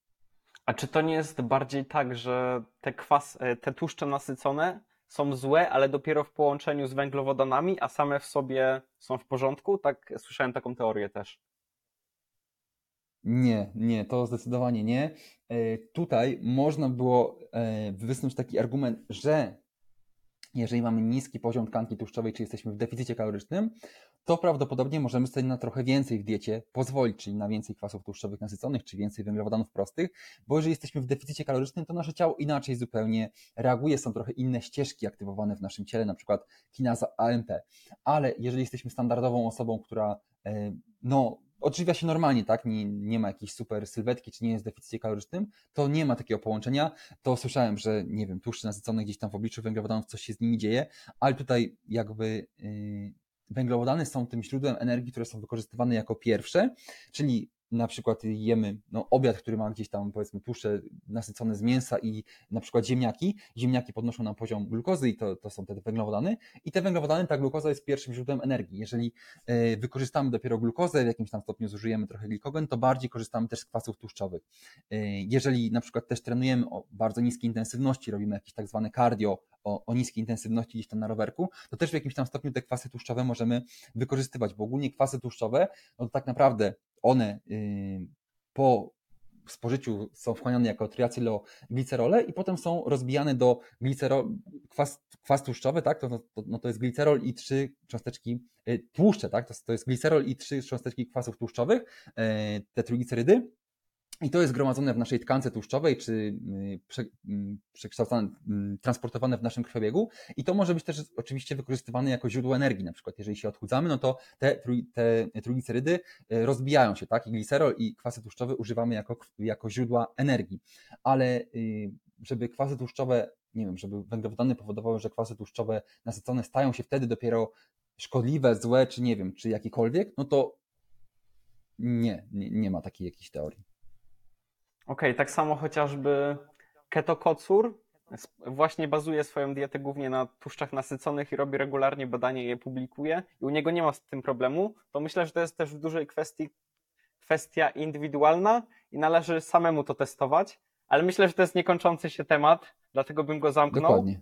I zapytałbym Cię znaczy teraz. Też, no, ketokocur nie ma, nie ma sylwetki standardowej osoby, no to też na pewno wpływa, tak? Jest bardzo, ma bardzo niski poziom tkanki tłuszczowej, więc to jest na pewno rzecz, która tutaj mocno wpływa. To znaczy, że on się na pewno nie objada, tak? Tę ilość kalorii yy, stosuje odpowiednią i też no, ciężko powiedzieć, no na pewno ma dużo aktywności fizycznej, dużo treningów, być może ma mało stresu, bo yy, powiedzmy, że realizuje jakiś swój ma takie życie oparte na swojej pasji, tak? I to też może być bardzo mocno wpływać na jego wyniki i inne kwestie związane ze swoim życiem mogą wpływać na jego wyniki, tak? A y, jeżeli to przełożymy na osobę z trybem siedzącym, z nadwagą i tak dalej, no to na inne te wyniki będą. No i dodatkowo może mieć też tendencje genetyczne po prostu do niskiego poziomu cholesterolu, więc to, no znowu, to jest kwestia indywidualna i wiadomo, że każdy powinien też opierać to na sobie. Tak, zmiennych e, w biohackingu jest bardzo dużo. I właśnie teraz e, już myślę, że widzowie wiedzą, że masz dużą wiedzę na temat biohackingu. I teraz pytanie do ciebie, skąd czerpiesz tą wiedzę? Jak ją zdobywasz?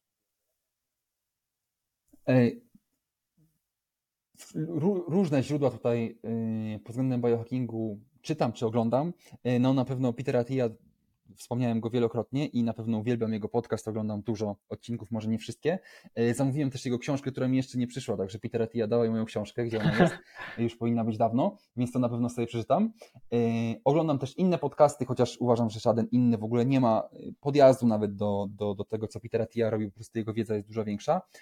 Czytam wiadomo badania, jakieś zarówno nowości, jestem w różnych newsletterach, czasem na Instagramie jakieś badania czytam, Samemu też wyszukuję badania. E, I w sumie to są te główne rzeczy, tak? No, badania naukowe no to jest taka naj, najnowsza wiedza, e, podcasty to już jest przeważnie trochę opóźnione, a jeżeli chodzi o książki i tego typu rzeczy, no to już jest gdzieś tam e, często no, miesiące nawet do tyłu, wiadomo, nie ma tam najnowszych badań. Teraz na przykład też czytam książkę, bodajże ona się nazywa Jak długo żyć, czy Jak żyć długo Davida Sinclaira i ona ma tam kilka lat. No to już wiadomo, że przez te kilka lat już jestem w stanie powiedzieć, że wiele rzeczy no, mocno się zmieniło, e, które on tam opisywał i to jest problem z biohackingiem czy z podejściem do zdrowia, że książki bardzo często, bardzo szybko stają się takie e, przedawnione i, i nieaktualne. Ale badania naukowe i śledzenie tego, co co się dzieje na bieżąco, to jest pewnie najważniejsza kwestia. Podcasty też pomagają, bo podcasty też często nie wymagają tego, żeby e, no, usiąść i siedzieć powiedzmy e, w miejscu i słuchać tego można gdzieś tam na spacerze czy podczas treningu. Ja często słucham podcastów i wyciągnąć jakieś smaczki czy, czy doświadczenia danej osoby, bo też to jest dla mnie ważne w podcastach, że ktoś opowiada o swoich konkretnych doświadczeniach, że nie jest może to potwierdzone albo wręcz niepotwierdzone, ale u niego na przykład yy, ten produkt podniósł poziom glukozy we krwi, co właśnie w tym podcaście o, o, o mierzeniu poziomu glukozy we krwi, zarówno on, jak i ten jego gość od Dexcomu mówili, że winogrona bardzo mocno podnoszą poziom glukozy we krwi. To jest coś, co gdzieś tam sobie zapamiętałem i takie pewne rzeczy y, pojedyncze, na przykład jak trenować czy coś, no to też wyciągam dla siebie i na przykład też właśnie z jednego z podcastów y, u Petera T był taki y, gość od treningu VO2 Max, od długo, treningu na długowieczność i mówili, że oni trenują właśnie robią takie interwały 4 na 4, czyli 4 minuty niskiej intensywności, 4 minuty maksymalnej intensywności. Maksymalnej w takim sensie, że stałe tempo przez 4 minuty, ale pod koniec już po prostu umierasz, tak? I oni to robią akurat na rowerku.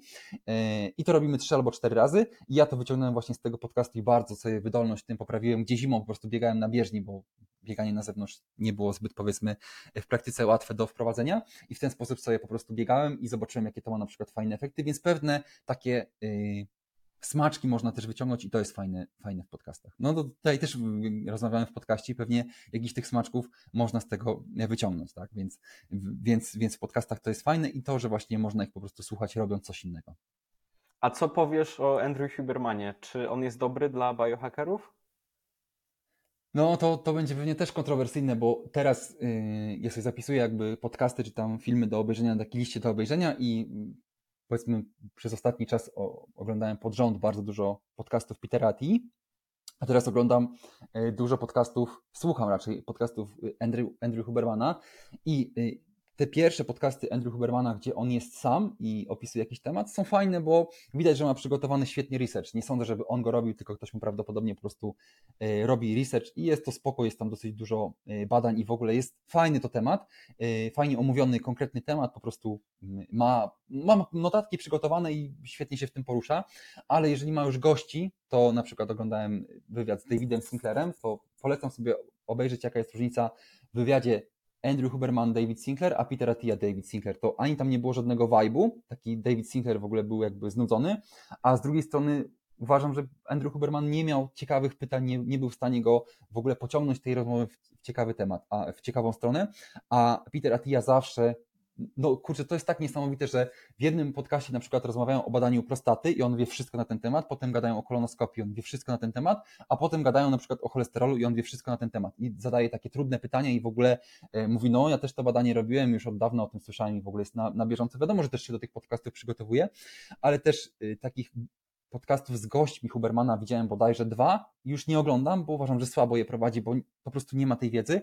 Gdzieś tam był jakiś po podcast y, z taką kobietą od hormonów i ona się go mówiła o, o, o hormonie bodajże beta-glukoronidaza i się pyta Andrew, y, czy wiesz co to jest za enzym? A on mówi, no nie bardzo, ale jeżeli to jest, kończy się na aza, to na pewno jest enzym, a skoro jest gluko, to być może coś związane z glukozą, nie? A to w ogóle nie było związane z glukozą i w ogóle tam nie ten. I to w ogóle, wiadomo, że to jest jedna rzecz gdzieś tam, która mi tak mocno zapadła w pamięć, ale tak mocno mi to pokazała, że Andrew Huberman w tym, co mówi, w tym, co jest yy, przygotowany, no to dużo wie, tak? Ale poza tym uważam, że nie ma zbyt dużej wiedzy. Znowu, no, ja to mówię, tak? I pewnie większość osób powie, że ja jak mogę w ogóle tak mówić, ale w takich podcastach, gdzie po prostu nie jest przygotowany i nie ma zrobionego w pełni researchu, który sam prowadzi, no to wychodzi po prostu ta różnica, gdzie po prostu Peter Attia dużo lepiej te rozmowy prowadzi, bo ma tę wiedzę i doświadczenie też bardzo duże.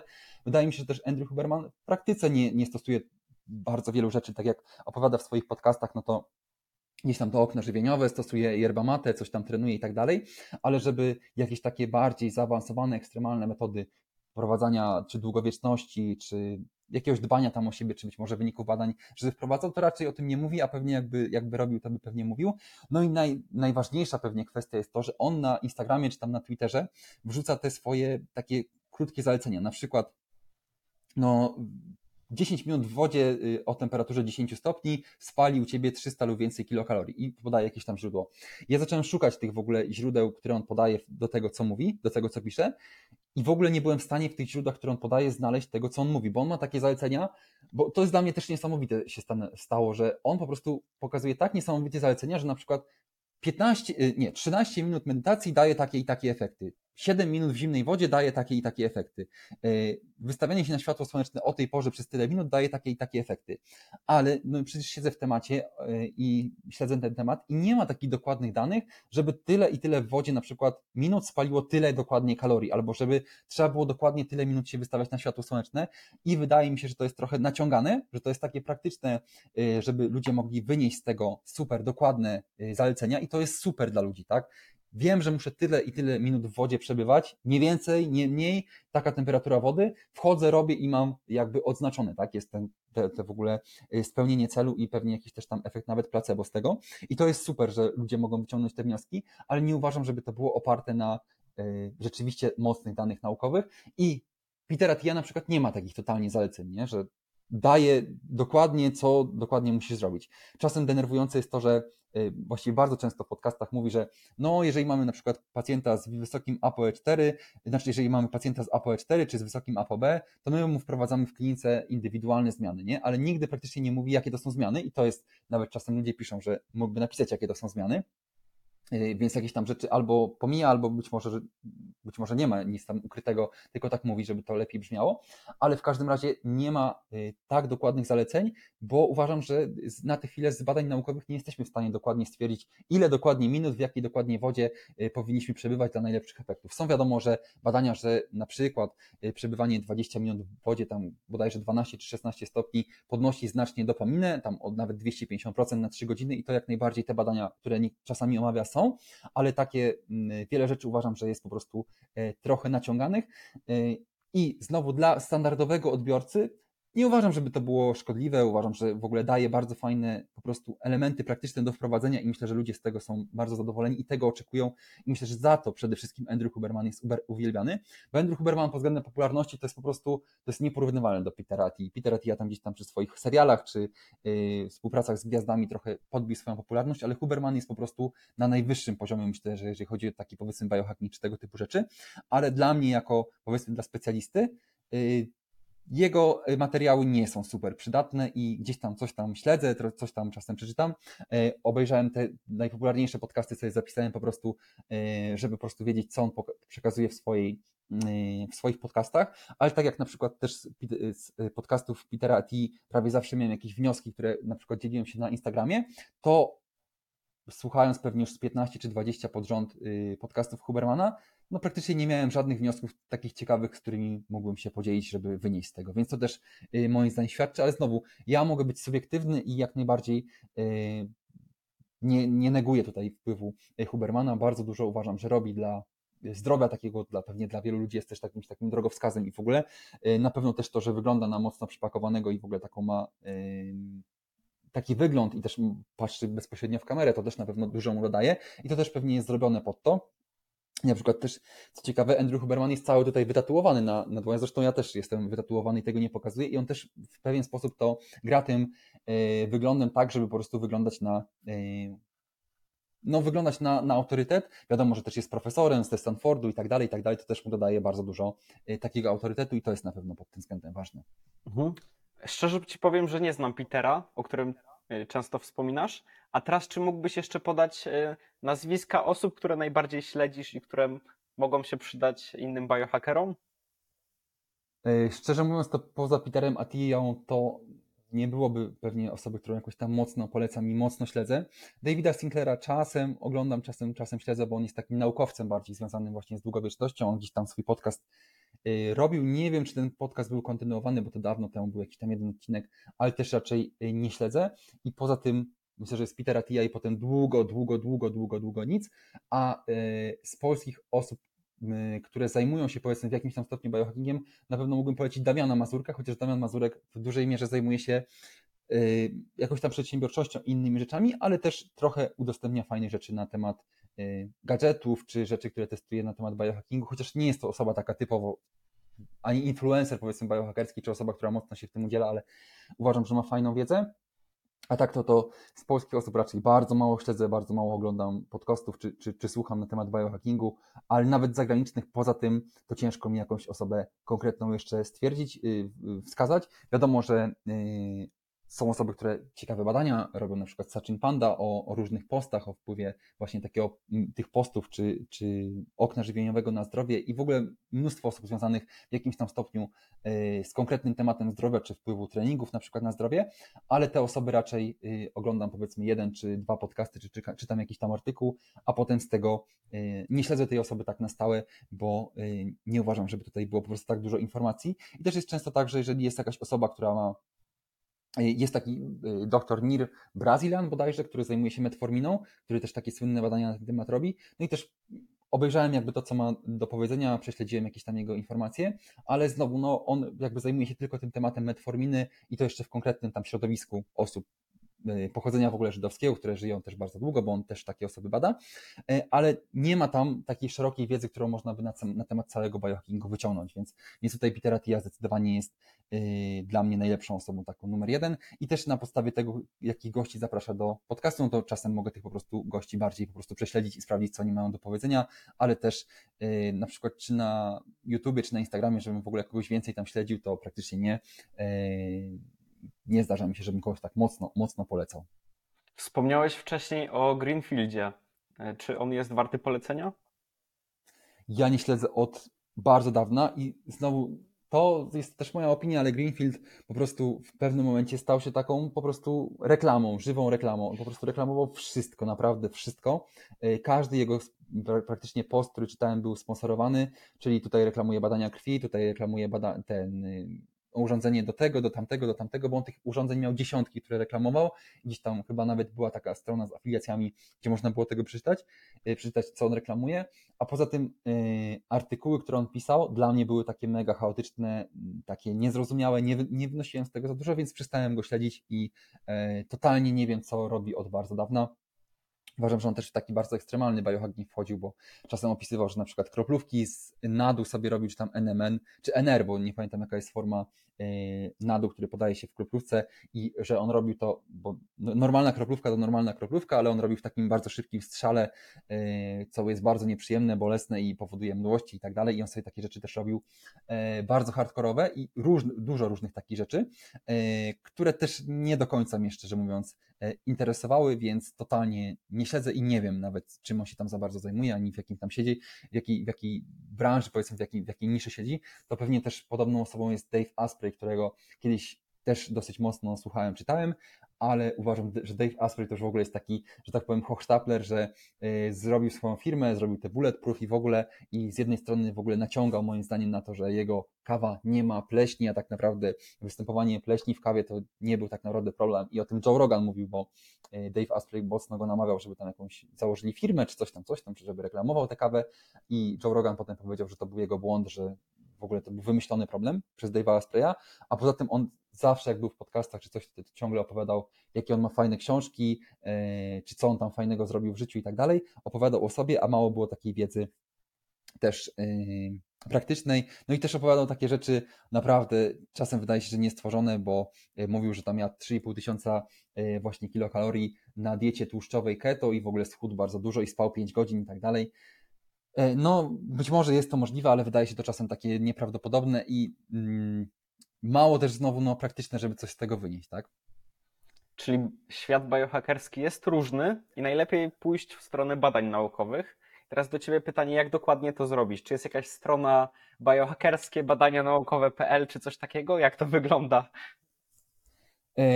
E, tutaj, jeszcze, tutaj jeszcze w sumie, jak o to pytasz, to też wspomnę o, o tej osobie, o której wcześniej wspomniałem, czyli Joe Cohen. E, to jest założyciel strony Self-Hacked, którą bardzo polecam. Self-Hacked, czyli samemu siebie zhakować. E, czy samo hakowanie.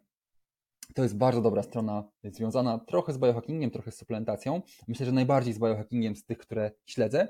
I y, na swego czasu na self-hack były takie, mm, te, te artykuły były trochę takie znowu nie evidence-based, tylko takie oparte no, trochę na własnych doświadczeniach czy ten. Teraz już są dużo bardziej evidence-based. Y, tam jest bardzo duży zespół w ogóle osób, które dba o to, żeby tam były źródła do wszystkiego, więc to jest bardzo fajna strona.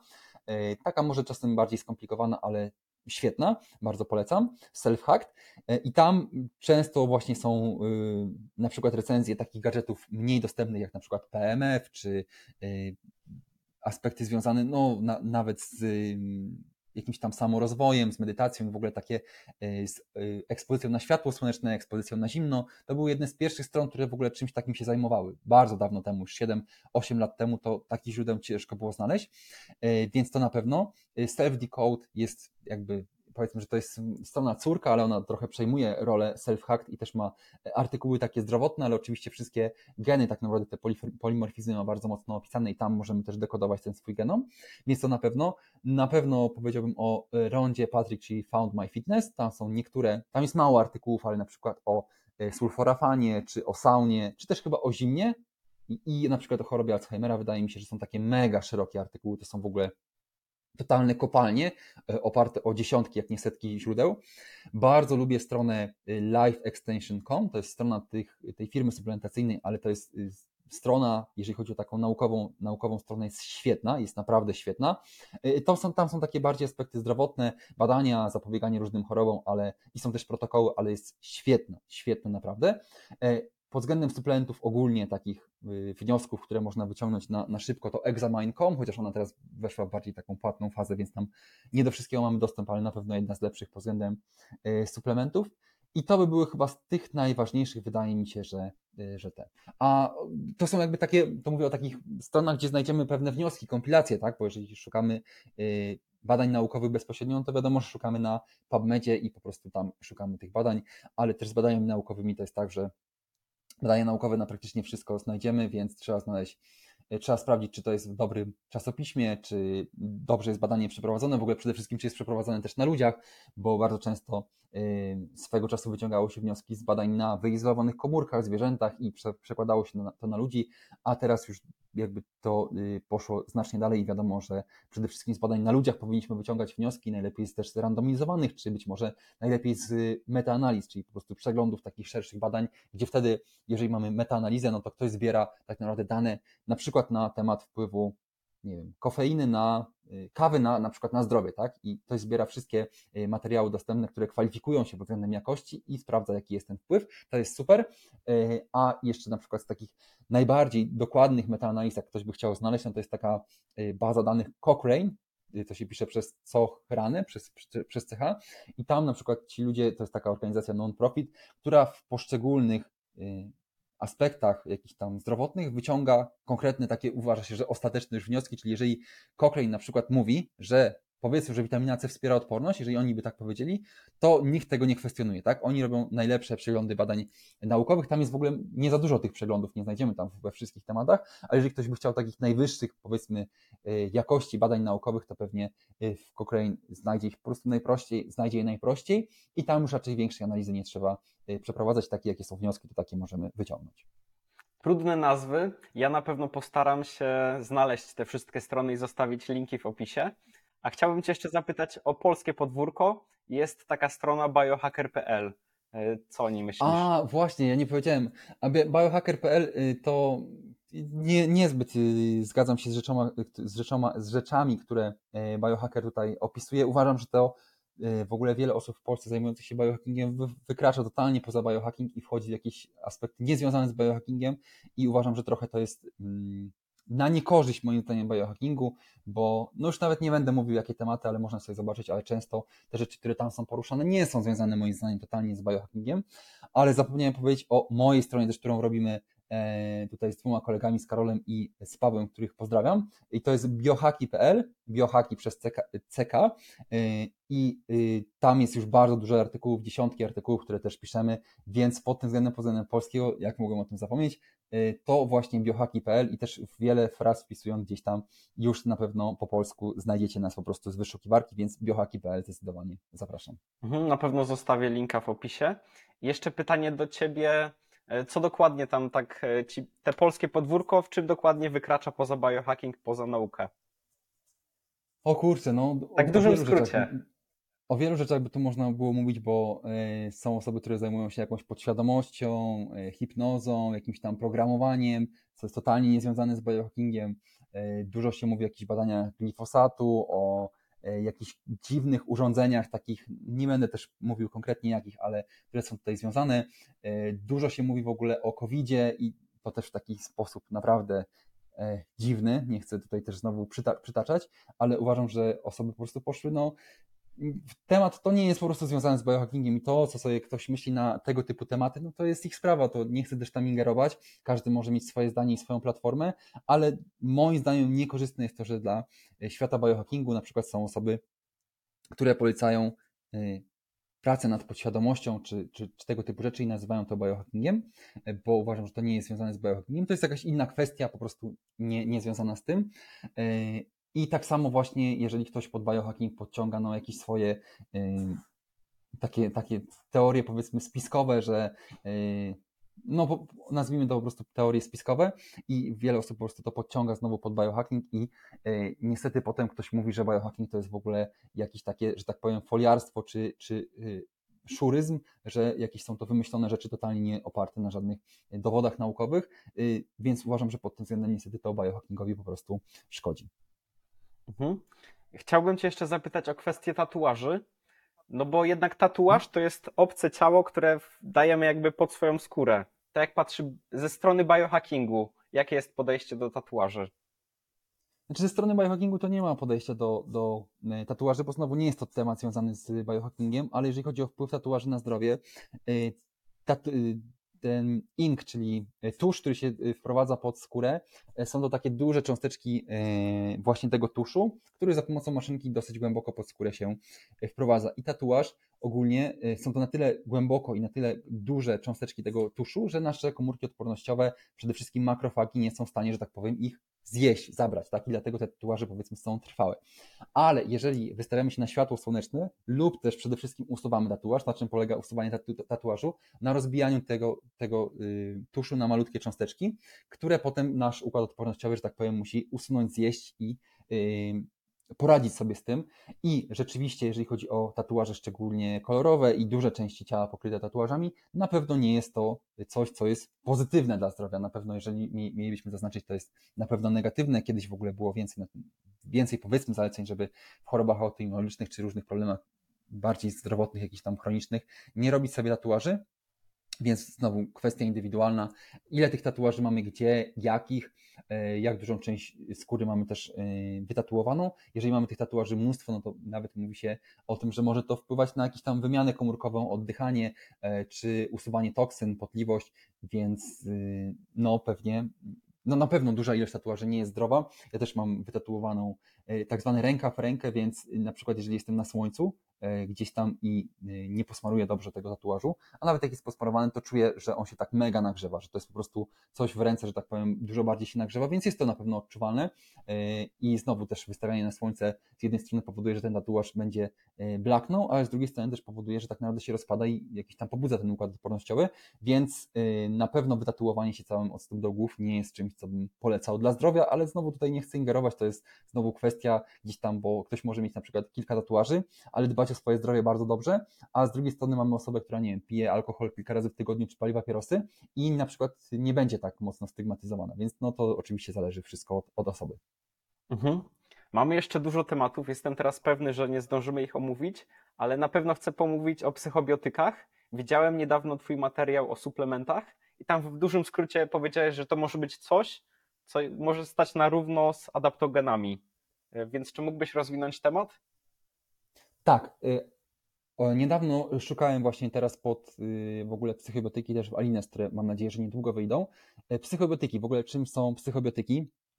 Probiotyki są to y, żywe kultury bakterii, które wywo- wywołują jakiś wpływ na organizm, które są udowodnione naukowo. Dlatego też probiotykami nie jest kapusta kiszona, czy tam ogórki kiszone, czy tego typu rzeczy. I to też często wielu powiedzmy biohackerów będzie mówić, że to są probiotyki i to, to znowu też jest coś, co trochę wykracza poza jakby i biohacking i poza też naukę, bo po prostu kapusta kiszona nie jest probiotykiem z naukowego punktu widzenia.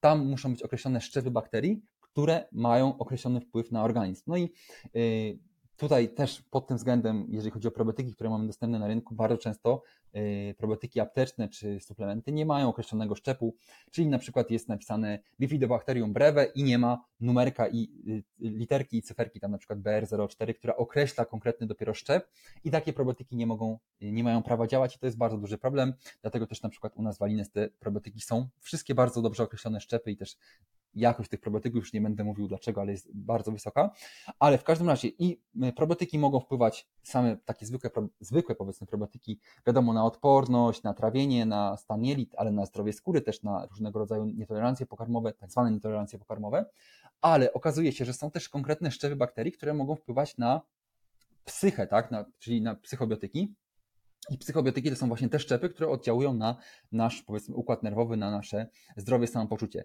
I yy, szukałem właśnie mocno tego tematu, różnych metaanaliz, różnych wniosków z tego.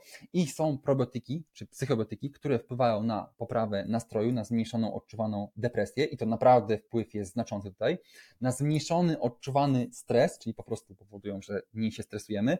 I też, też stany lękowe, czy różne stany nerwicowe, więc yy, wnioski są takie, że odpowiednio dobrane yy, psychobiotyki probiotyki, odpowiednio dobrane szczepy probiotyczne, mogą po prostu oddziaływać podobnie jak adaptogeny, bo to są te rzeczy, które też, na które wpływają adaptogeny. Wiadomo, że adaptogeny to są substancje ziołowe, to jest troszeczkę coś innego i w ogóle wpływ, działanie ich jest troszeczkę inne, tak? bo to są przez jakieś składniki aktywne wpływ na, czy na neurotransmitery, czy na stany zapalne. Tutaj probiotyki poprzez wpływ na florę jelitową, ale też oczywiście na stan jelit, tak? na w ogóle być może funkcjonowanie też neurotransmiterów w jakimś tam stopniu na poziomie jelit, wpływają na nasze samopoczucie bardzo mocno i z adaptogenami jest taki minus, że na przykład nie można ich łączyć praktycznie z lekami no, takimi jak SSRI, antydepresantami i tak dalej, no to, to, to zdecydowanie jest przeciwwskazane. E, nie można też adaptogenów stosować na pewno w ciąży, no to na tę chwilę nie jest to przebadane, ale y, psychobiotyki mają ten plus, że możliwe, nie chcę tutaj mówić jednoznacznie, ale możliwe, że będzie można je stosować z na przykład lekami różnego rodzaju, y, albo przynajmniej z tymi lekami, z którymi nie można stosować adaptogenów i z drugiej strony też możliwe, że psychobiotyki na przykład będą mogły być stosowane w ciąży, tak? Tutaj co ciekawe, y, stosowanie probiotyków w ciąży też zalecał, ogólnie bym zalecał ostrożnie, bo jak robiłem też taką prezentację o, o, probiotykach, to yy, probiotyki w ciąży mogą zwiększać ryzyko stanu przedrzucawkowego, czyli takich komplikacji związanych z ciążą i co też tak w ciemno, to, to w ciąży to w ogóle nie pracuje akurat z kobietami w ciąży i tutaj pod tym względem też polecałbym po prostu wszystko, co stosujemy, wiadomo, skonsultować z lekarzem, bo to, że my na przykład teraz mówimy o jakichś tam suplementach, czy tego typu rzeczach, czy technikach, no to wiadomo, że w ciąży zawsze trzeba to skonsultować ze specjalistą, czy można to wprowadzić, ale psychobiotyki są pod tym względem obiecujące, że będzie można je, być może będzie można je stosować w tych stanach, kiedy adaptogeny nie będą mogły być stosowane, być może będą bardziej skuteczne, będą miały, nie wiem, na przykład mniej skutków ubocznych, chociaż adaptogeny są mega bezpieczne, a dodatkowo na przykład też wspierały Y, bardziej odporność, czy zdrowie jelit i tak dalej, i tak dalej, chociaż znowu adaptogeny też w większości i tak wspierają odporność i mają mnóstwo jeszcze dodatkowych korzyści. Wspomniałeś, że trzeba je odpowiednio dobrać, więc jak to zrobić?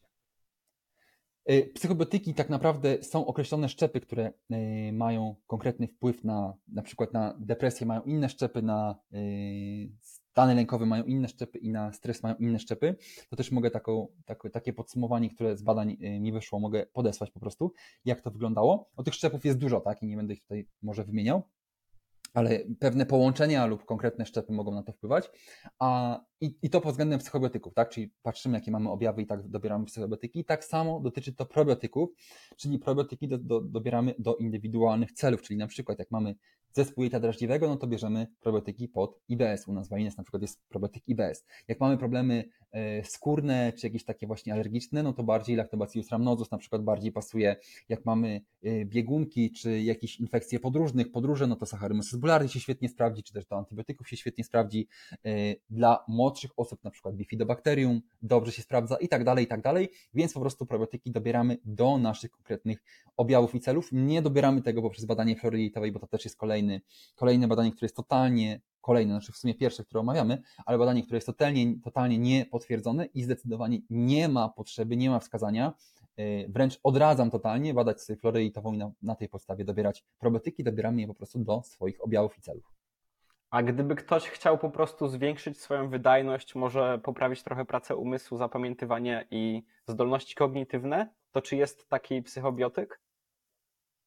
Yy, na tę chwilę raczej, raczej nie i nie, nie, nie kojarzę, żeby był też jakiś na polskim rynku. Znowu, jeżeli będą yy, probiotyki walines, to pewnie też bardziej będę mógł się na ten temat wypowiedzieć i też przetestuję, ale na tę chwilę w ogóle psychobiotyki, które są dostępne przynajmniej w Polsce, chociaż za granicą też sprawdzałem, raczej nie ma y, takich o właściwościach psychotropowych, czyli są raczej na stres albo no po prostu na stres lub na nastrój, tak, ale że na tak, tak zwanych kategorii no psychotropików, no psychobiotyków nie, nie widziałem, żeby coś takiego było, że po prostu psychobiotyki czy probiotyki poprawiały, nie wiem, hamowały zmęczenie czy poprawiały koncentrację, to nie, nie widziałem takich rzeczy.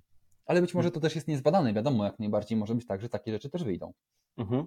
I teraz jakbyś miał możliwość zdecydowania, co wybrać? Możesz wybrać tylko jedną rzecz, albo psychobiotyki, albo adaptogeny. To na co byś się zdecydował? Na omega-3. Omega-3 to mój ulubiony suplement. Y, na tę chwilę, na tę chwilę myślę, że na adaptogeny, ponieważ adaptogeny mają znacznie szerszy wpływ na zdrowie na tę chwilę, tak? Bo te y, szczepy psychobiotyczne, które zostały przebadane, one raczej poza poprawą nastroju, czy poza, e, nie wiem, redukcją stresu na tę chwilę nie są mocno przebadane, żeby wpływały na jakieś inne aspekty to z czasem oczywiście jak najbardziej może wyjść. A jeżeli chodzi o ashwagandę, oczywiście najlepiej przebadany ze wszystkich adaptogenów, ashwaganda wpływa na tak wiele aspektów, znowu można sobie na examine.com zobaczyć, jakie są badania na ludziach, że poprawia aspekty treningowe, jakość snu, samopoczucie, odczuwany stres y, i mnóstwo innych rzeczy, nastrój, więc, więc ashwagandha, czy, czy, no i wiadomo, mniej znane, takie mniej popularne, czy mniej przebadane, takie jak różenie, czy inne, też mają tak szeroki wpływ na zdrowie, że raczej na tę chwilę wybrałbym grupę adaptogenów. Mhm. Ja myślę, że na przestrzeni jakiegoś czasu będzie głośno o psychobiotykach. Czy ty też tak myślisz?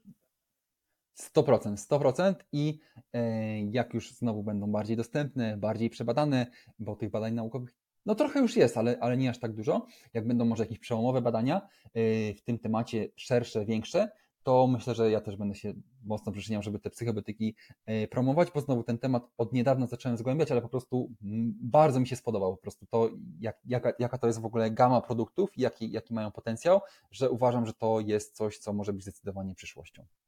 Omówmy jeszcze temat, który, z którym tutaj wystrzeliłeś w zasadzie, temat omega-3 nie, nie chcę teraz mówić dokładnie, jak to działa i tak dalej, ale jakie są najlepsze formy omega-3? Ja wiem, że ty jesteś fanem oleju z kryla. Czy to jest najlepsza możliwa forma? Znaczy, olej z kryla yy, to kiedyś stosowałem, teraz stosuję tak naprawdę omega-3 w postaci tak zwanej forte. Yy, jeżeli chodzi o formy omega-3, no to yy, tak naprawdę najważniejszą rzeczą jest to, żeby była odpowiednia zawartość EPA i DHA. I tutaj w oleju skryla zawsze jest mniej EPA i DHA, czyli eikozapentanowego i dokozaheksanowego kwasu, czyli tych powiedzmy, powiedzmy, że to są składniki aktywne właśnie y, w omega-3. Y, I często stosowanie omega-3 dostosowujemy do y, dawkę dostosowujemy właśnie do celów i tutaj na przykład to ciekawe było, że Huberman o tym opowiadał, że dawki powyżej 4 gramów właśnie omega-3, czyli EPA i DHA mogą poprawiać nastrój. To są, jakby, jeżeli ktoś nie ma doświadczenia, to są bardzo duże dawki. To są co najmniej cztery kapsułki, ale raczej y, takich standardowych kwasów tłuszczowych omega-3 to jest raczej około 8 kapsułek, bo rzadko w sumie, które mają powyżej 500 mg na kapsułkę, e, więc dawkę dostosowujemy do swoich celów i założeń. E, tutaj e, pod względem omega-3, no to wiadomo, że w kapsułce tłuszczowej, żeby tam była odpowiednia zawartość. No i teraz mocno zwraca się uwagę też na zawartość na TOTOX, na, na y, skalę TOTOX, czyli taka skala antyoksydantów. Im niższe TOTOX, tym bardziej prozdrowotnie można powiedzieć, że wpływają te omega-3 i Totox na poziomie 10, 9, 10, 11 jest bardzo dobrym wynikiem i oznacza, że to są świetnej jakości kwasy tłuszczowe omega-3, a jeżeli ktoś ma Totox na, na poziomie 30 na przykład, no to tak, takie kwasy tłuszczowe mogą nam bardziej szkodzić niż, yy, niż pomagać, bo można powiedzieć, że te kwasy tłuszczowe już są w pewnym stopniu utlenione i no, nie, nie będą spełniać swoich yy, właściwości zdrowotnych. Totox można znaleźć na wielu stronach, u nas na Alines też jest podany Totox dla yy, produktów, ale jeżeli producent nie podaje Totox swojego omega-3, to można go oczywiście zapytać, ale jeżeli nie podaje, no to prawdopodobnie albo, albo nie badał, albo wynik nie jest zbyt pozytywny, bo Teraz wydaje mi się, że znowu od tego się troszeczkę e, odeszło, nie jest już to tak powiedzmy popularne, ale był taki e, moment jakiś czas temu, gdzie po prostu każdy się pytał o indeks Totox w omega-3 i jakaś ta świadomość była większa, teraz myślę, że znowu jest mniejsza, ale na to warto zwrócić, zwracać uwagę. Mhm. Może jeszcze tak na zakończenie, czy możesz podać top 5 e, form omega-3? Form to znaczy? No, to znaczy olej z kryla, czy tam jakiś inny, czy może tran norweski, jakie jest takie top 5 twoim zdaniem? To top 5 to nawet tak naprawdę nie będzie, bo hmm. zdecydowanie najlepszy jest omega-3 po prostu jako omega-3 olej rybi zwykły. Ja stosuję te forty, gdzie jest po prostu dużo EPA i DHA i yy, ważne jest, żeby omega-3 było z małych ryb, tak? U nas jest bodajże z sardeli, yy, czyli z małych rybek, no bo jeżeli mamy yy, no nie wiem, omega-3, nie wiem, czy jest tończyka, ale z jakichś, jakichś ryb dużych, no to jest większe ryzyko, że też tam będzie więcej metali ciężkich. Chociaż tutaj muszę powiedzieć, że y, wyjątkiem, który mógłbym do top 5 dodać jest y, olej z rekina, który ma bodajże skwalen, y, który ma troszeczkę też działania takiego przeciwzapalnego i prozdrowotnego dodatkowego, więc to może się sprawdzić. I to by były pewnie top dwie, yy, znaczy yy, omega-3 takie zwykłe, szczególnie w formie forte, gdzie jest dużo EPA i DH, to na pewno numer jeden. Numer dwa to pewnie bym powiedział po prostu tran taki norweski, gdzie yy, po prostu w płynie mamy też EPA i DH w dosyć sporej ilości. Potem powiedzmy, że gdzieś być może olej z rekina bym dał lub olej z kryla gdzieś na trzecim, czwartym miejscu. Yy, Chociaż, no nie wiem, olej z kryla ciężko mi sklasyfikować, czy byłby wyżej, czy niżej. Być może byłby nawet na drugim miejscu, bo ma też yy, olej z kryla jest czerwony, bo ma astaksantynę, która jest silnym antyoksydantem i też ma swoje właściwości zdrowotne, więc ciężko mi tutaj taką skalę na szybko wymyślić, wymyśleć.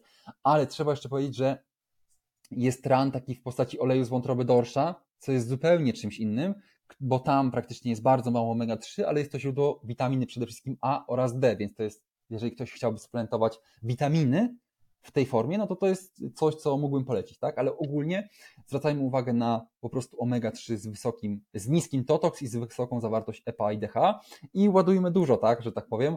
Ja biorę naprawdę dużo omega-3 codziennie i uważam, że to z suplementów, w ogóle jeżeli miałbym wybrać jeden suplement, który mógłbym stosować, to by było zdecydowanie omega-3, nawet ważniejsze niż D3 i yy, większe dawki, po prostu moim zdaniem im większe dawki, tym lepiej. Różne są na ten temat też opinie, znowu tutaj te 3-4 gramy, tak jak mówiłem, pod względem nastroju czy samopoczucia, ale czasem się mówi, że dużo, duże dawki naprawdę omega-3 mogą znowu zwiększać stany zapalne i po prostu takie ryzyko oksydacji, ale to yy, nie uważam, że było jakoś tam potwierdzone jednoznacznie.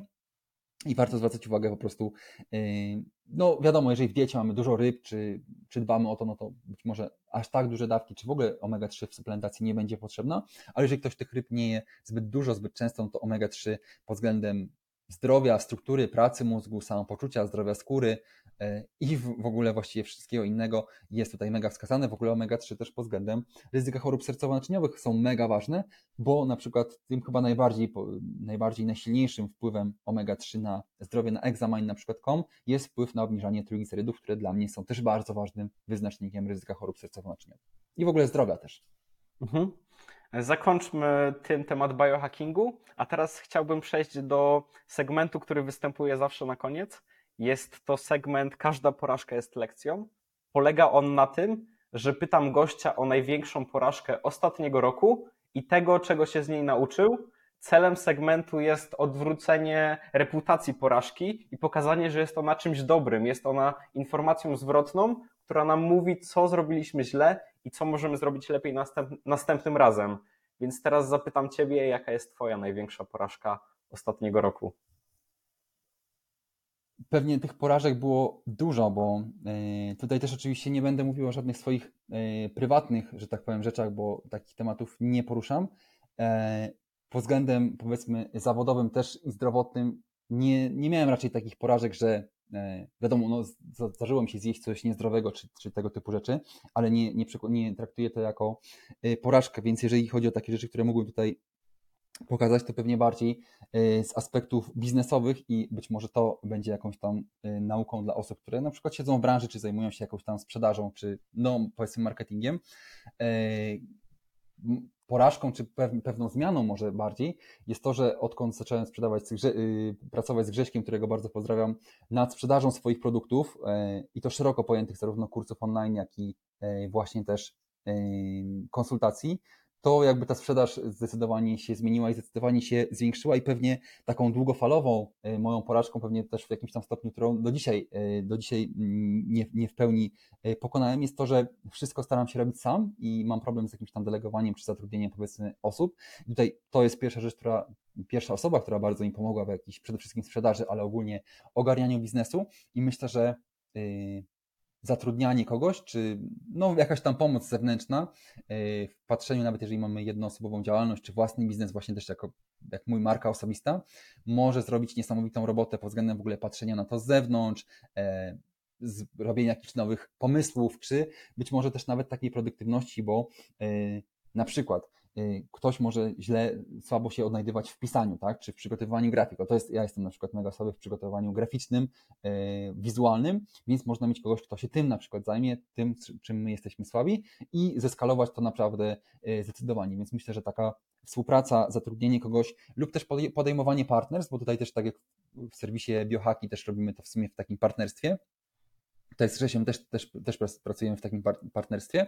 To jest jakaś tam metoda, która też może tutaj y, pomóc w tym, że mamy w pewnym stopniu takie same zaangażowanie i takie same efekty tego, czy takie same wpływy, więc to może też wielu osobom pomóc, żeby po prostu rozszerzyć tą swoją wiedzę, bo znowu ja mogę się znać na biohackingu, długowieczności i tak dalej, ale na przykład na sprzedaży, czy nie wiem, budowaniu stron internetowych, czy czymkolwiek innym takim związanym z biznesem, y, mogę się znać średnio. U nas też w Polsce prowadzenie biznesu jest dosyć stresujące, jest, no, naprawdę ma mnóstwo różnych takich aspektów, które, o które trzeba dbać, o których warto wiedzieć, jeżeli mamy też osoby od tego, które mogą nam w tym pomóc, więc yy, myślę, że to jest taka ważna rzecz, która wydarzyła się też w ostatnim roku i mocno tutaj zmieniła i pewnie też będzie zmieniać moje podejście czy, czy, do, czy do biznesu, czy też efekty tego biznesu.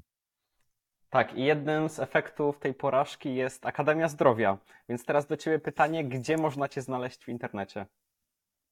No właśnie, znaczy y, Akademia Zdrowia no jest powiedzmy takim efektem właśnie tej współpracy, y, ale nie jest jakby, mogłoby to wyniknąć, że jest efektem przerodzenia powiedzmy tej współpracy, tak, w, coś, co powstało. Jeżeli chodzi o to, gdzie mnie znaleźć w internecie, to wystarczy wpisać Undra, bo nazwisko Undra nosi tylko moja rodzina, więc niewiele jest osób z takim nazwiskiem, więc pewnie wszystkie moje strony gdzieś tam zaraz wyskoczą. E, oczywiście undra.pl to są czy konsultacje indywidualne, czy kursy online, czy też e-booki. Tam można też zapisać się na newsletter, na newsletter, który bardzo polecam, bo tam są takie bardziej szersze i powiedzmy, że często osobiste przemyślenia związane ze zdrowiem. Newsletter co dwa tygodnie, y, mniej więcej co dwa tygodnie w środę y, wysyłam i no tam na przykład właśnie ten blueprint już dawno temu był omawiany, teraz aspekty związane z chorobami serca, omawiałem też na przykład gadżety, które stosuję i tak dalej, i tak dalej, więc to polecam. Newsletter oczywiście jest darmowy, zapis na stronie yy, lub też yy, przez linka, czy, czy, czy, przez różne strony gdzieś tam na Instagramie często wrzucam. Oczywiście Instagram to jest takie miejsce, gdzie na bieżąco publikuję relacje, czy jakieś rzeczy, czy z treningów, czy związane z tym, co się po prostu nauczyłem. Y, Instagram i Facebook, bo w sumie relacje na Facebooku automatycznie też się udostępniają. Wrzucam też na Instagrama e, rolki, na Facebooka i na TikToka. Niestety, niestety, niestety, e, bo TikTok czasem po prostu dobre zasięgi robi, ale na TikToku nie, nie, nie jestem w ogóle aktywny, nie, nie odpowiadam na przykład na komentarze czy coś, no to, czy na wiadomości, no to zdecydowanie lepiej napisać do mnie już na Instagramie, chociaż i tak zawsze preferuję kontakt e, mailowy. No i oczywiście Akademia Zdrowia TV to jest na YouTubie kanał. Ja mam też swój kanał na YouTubie, który tam na tej chwili jest raczej nieaktywny, więc Akademia Zdrowia, jeżeli chodzi o takie materiały wideo, na bieżąco, które nagrywamy. Akademia e, Zdrowia TV też e, strona internetowa, gdzie też jest jeden kurs i tam pewnie będą następne kursy, więc to e, jak najbardziej też zapraszam. No i związane z biohackingiem oczywiście biohaki.pl, jak najbardziej też artykuły, które piszę. Dużo tego. Ja się postaram to wszystko znaleźć i zostawić linki w opisie. Ten opis będzie bardzo bogaty w linki i chciałbym Ci już podziękować za tą rozmowę, ponieważ świetnie ona wyszła tak samo wyprzedzałeś moje pytania momentami i łatwo się rozmawiało po prostu. To jest właśnie biohacking. Więc bardzo Ci dziękuję i mam nadzieję, że jeszcze uda nam się kiedyś spotkać, ponieważ są jeszcze tematy, które nie zdążyliśmy dzisiaj omówić. Więc dzięki Jasne. I do zobaczenia. Jasne, bardzo dziękuję, bo, bo, bo, bo rzeczywiście dużo y, z tego, co przygotowałeś listę, to chyba, no nie wiem, czy do połowy doszliśmy, więc, więc jak najbardziej możemy powtórzyć. Dziękuję bardzo. Mam nadzieję, że wszystkim się spodobało. Mam nadzieję, że fani Andrew Hubermana nie zostali urażeni, ani y, fani Keto, ani inni. Y, Jeżeli tak, to piszcie też w komentarzach. Pewnie będziemy się odnosić, y, możemy dyskutować, więc dajcie znać, jak Wam się podobało, jakie macie zdanie na ten temat. Dziękuję bardzo za zaproszenie. Tak dokładnie, dyskusja jest jak najbardziej wskazana, więc dziękuję i do zobaczenia w kolejnym odcinku. Cześć. Jeżeli dotarłeś do tego miejsca, to zostaw w komentarzu taką oto emotkę serca. A na pewno przypnę Ci serduszko. Jeżeli masz dobry dzień, to zostaw również lajka, czyli łapeczkę w górę oraz subskrypcję. W ten sposób wspierasz cały projekt darmowych rozmów najwyższej jakości. A teraz czas na autopromocję. Część z Was może nie wiedzieć, ale napisałem własną książkę. Książka ukazała się w formie dropu i wyszło tylko 100 egzemplarzy. Jeżeli interesujesz się rozwojem osobistym lub jesteś na początku swojej drogi w tym temacie, to ta pozycja jest dla Ciebie. Z pomocą Progressus Dux skrócisz sobie swoją drogę o stokroć. Streściłem w niej kilka lat mojego rozwoju, przedstawiając praktyczne narzędzia i wskazówki. Jeżeli chcesz zamówić tą książkę, to napisz do mnie na maila podanego w opisie. W opisie znajduje się również cała strona poświęcona tej książce, a także darmowe fragmenty.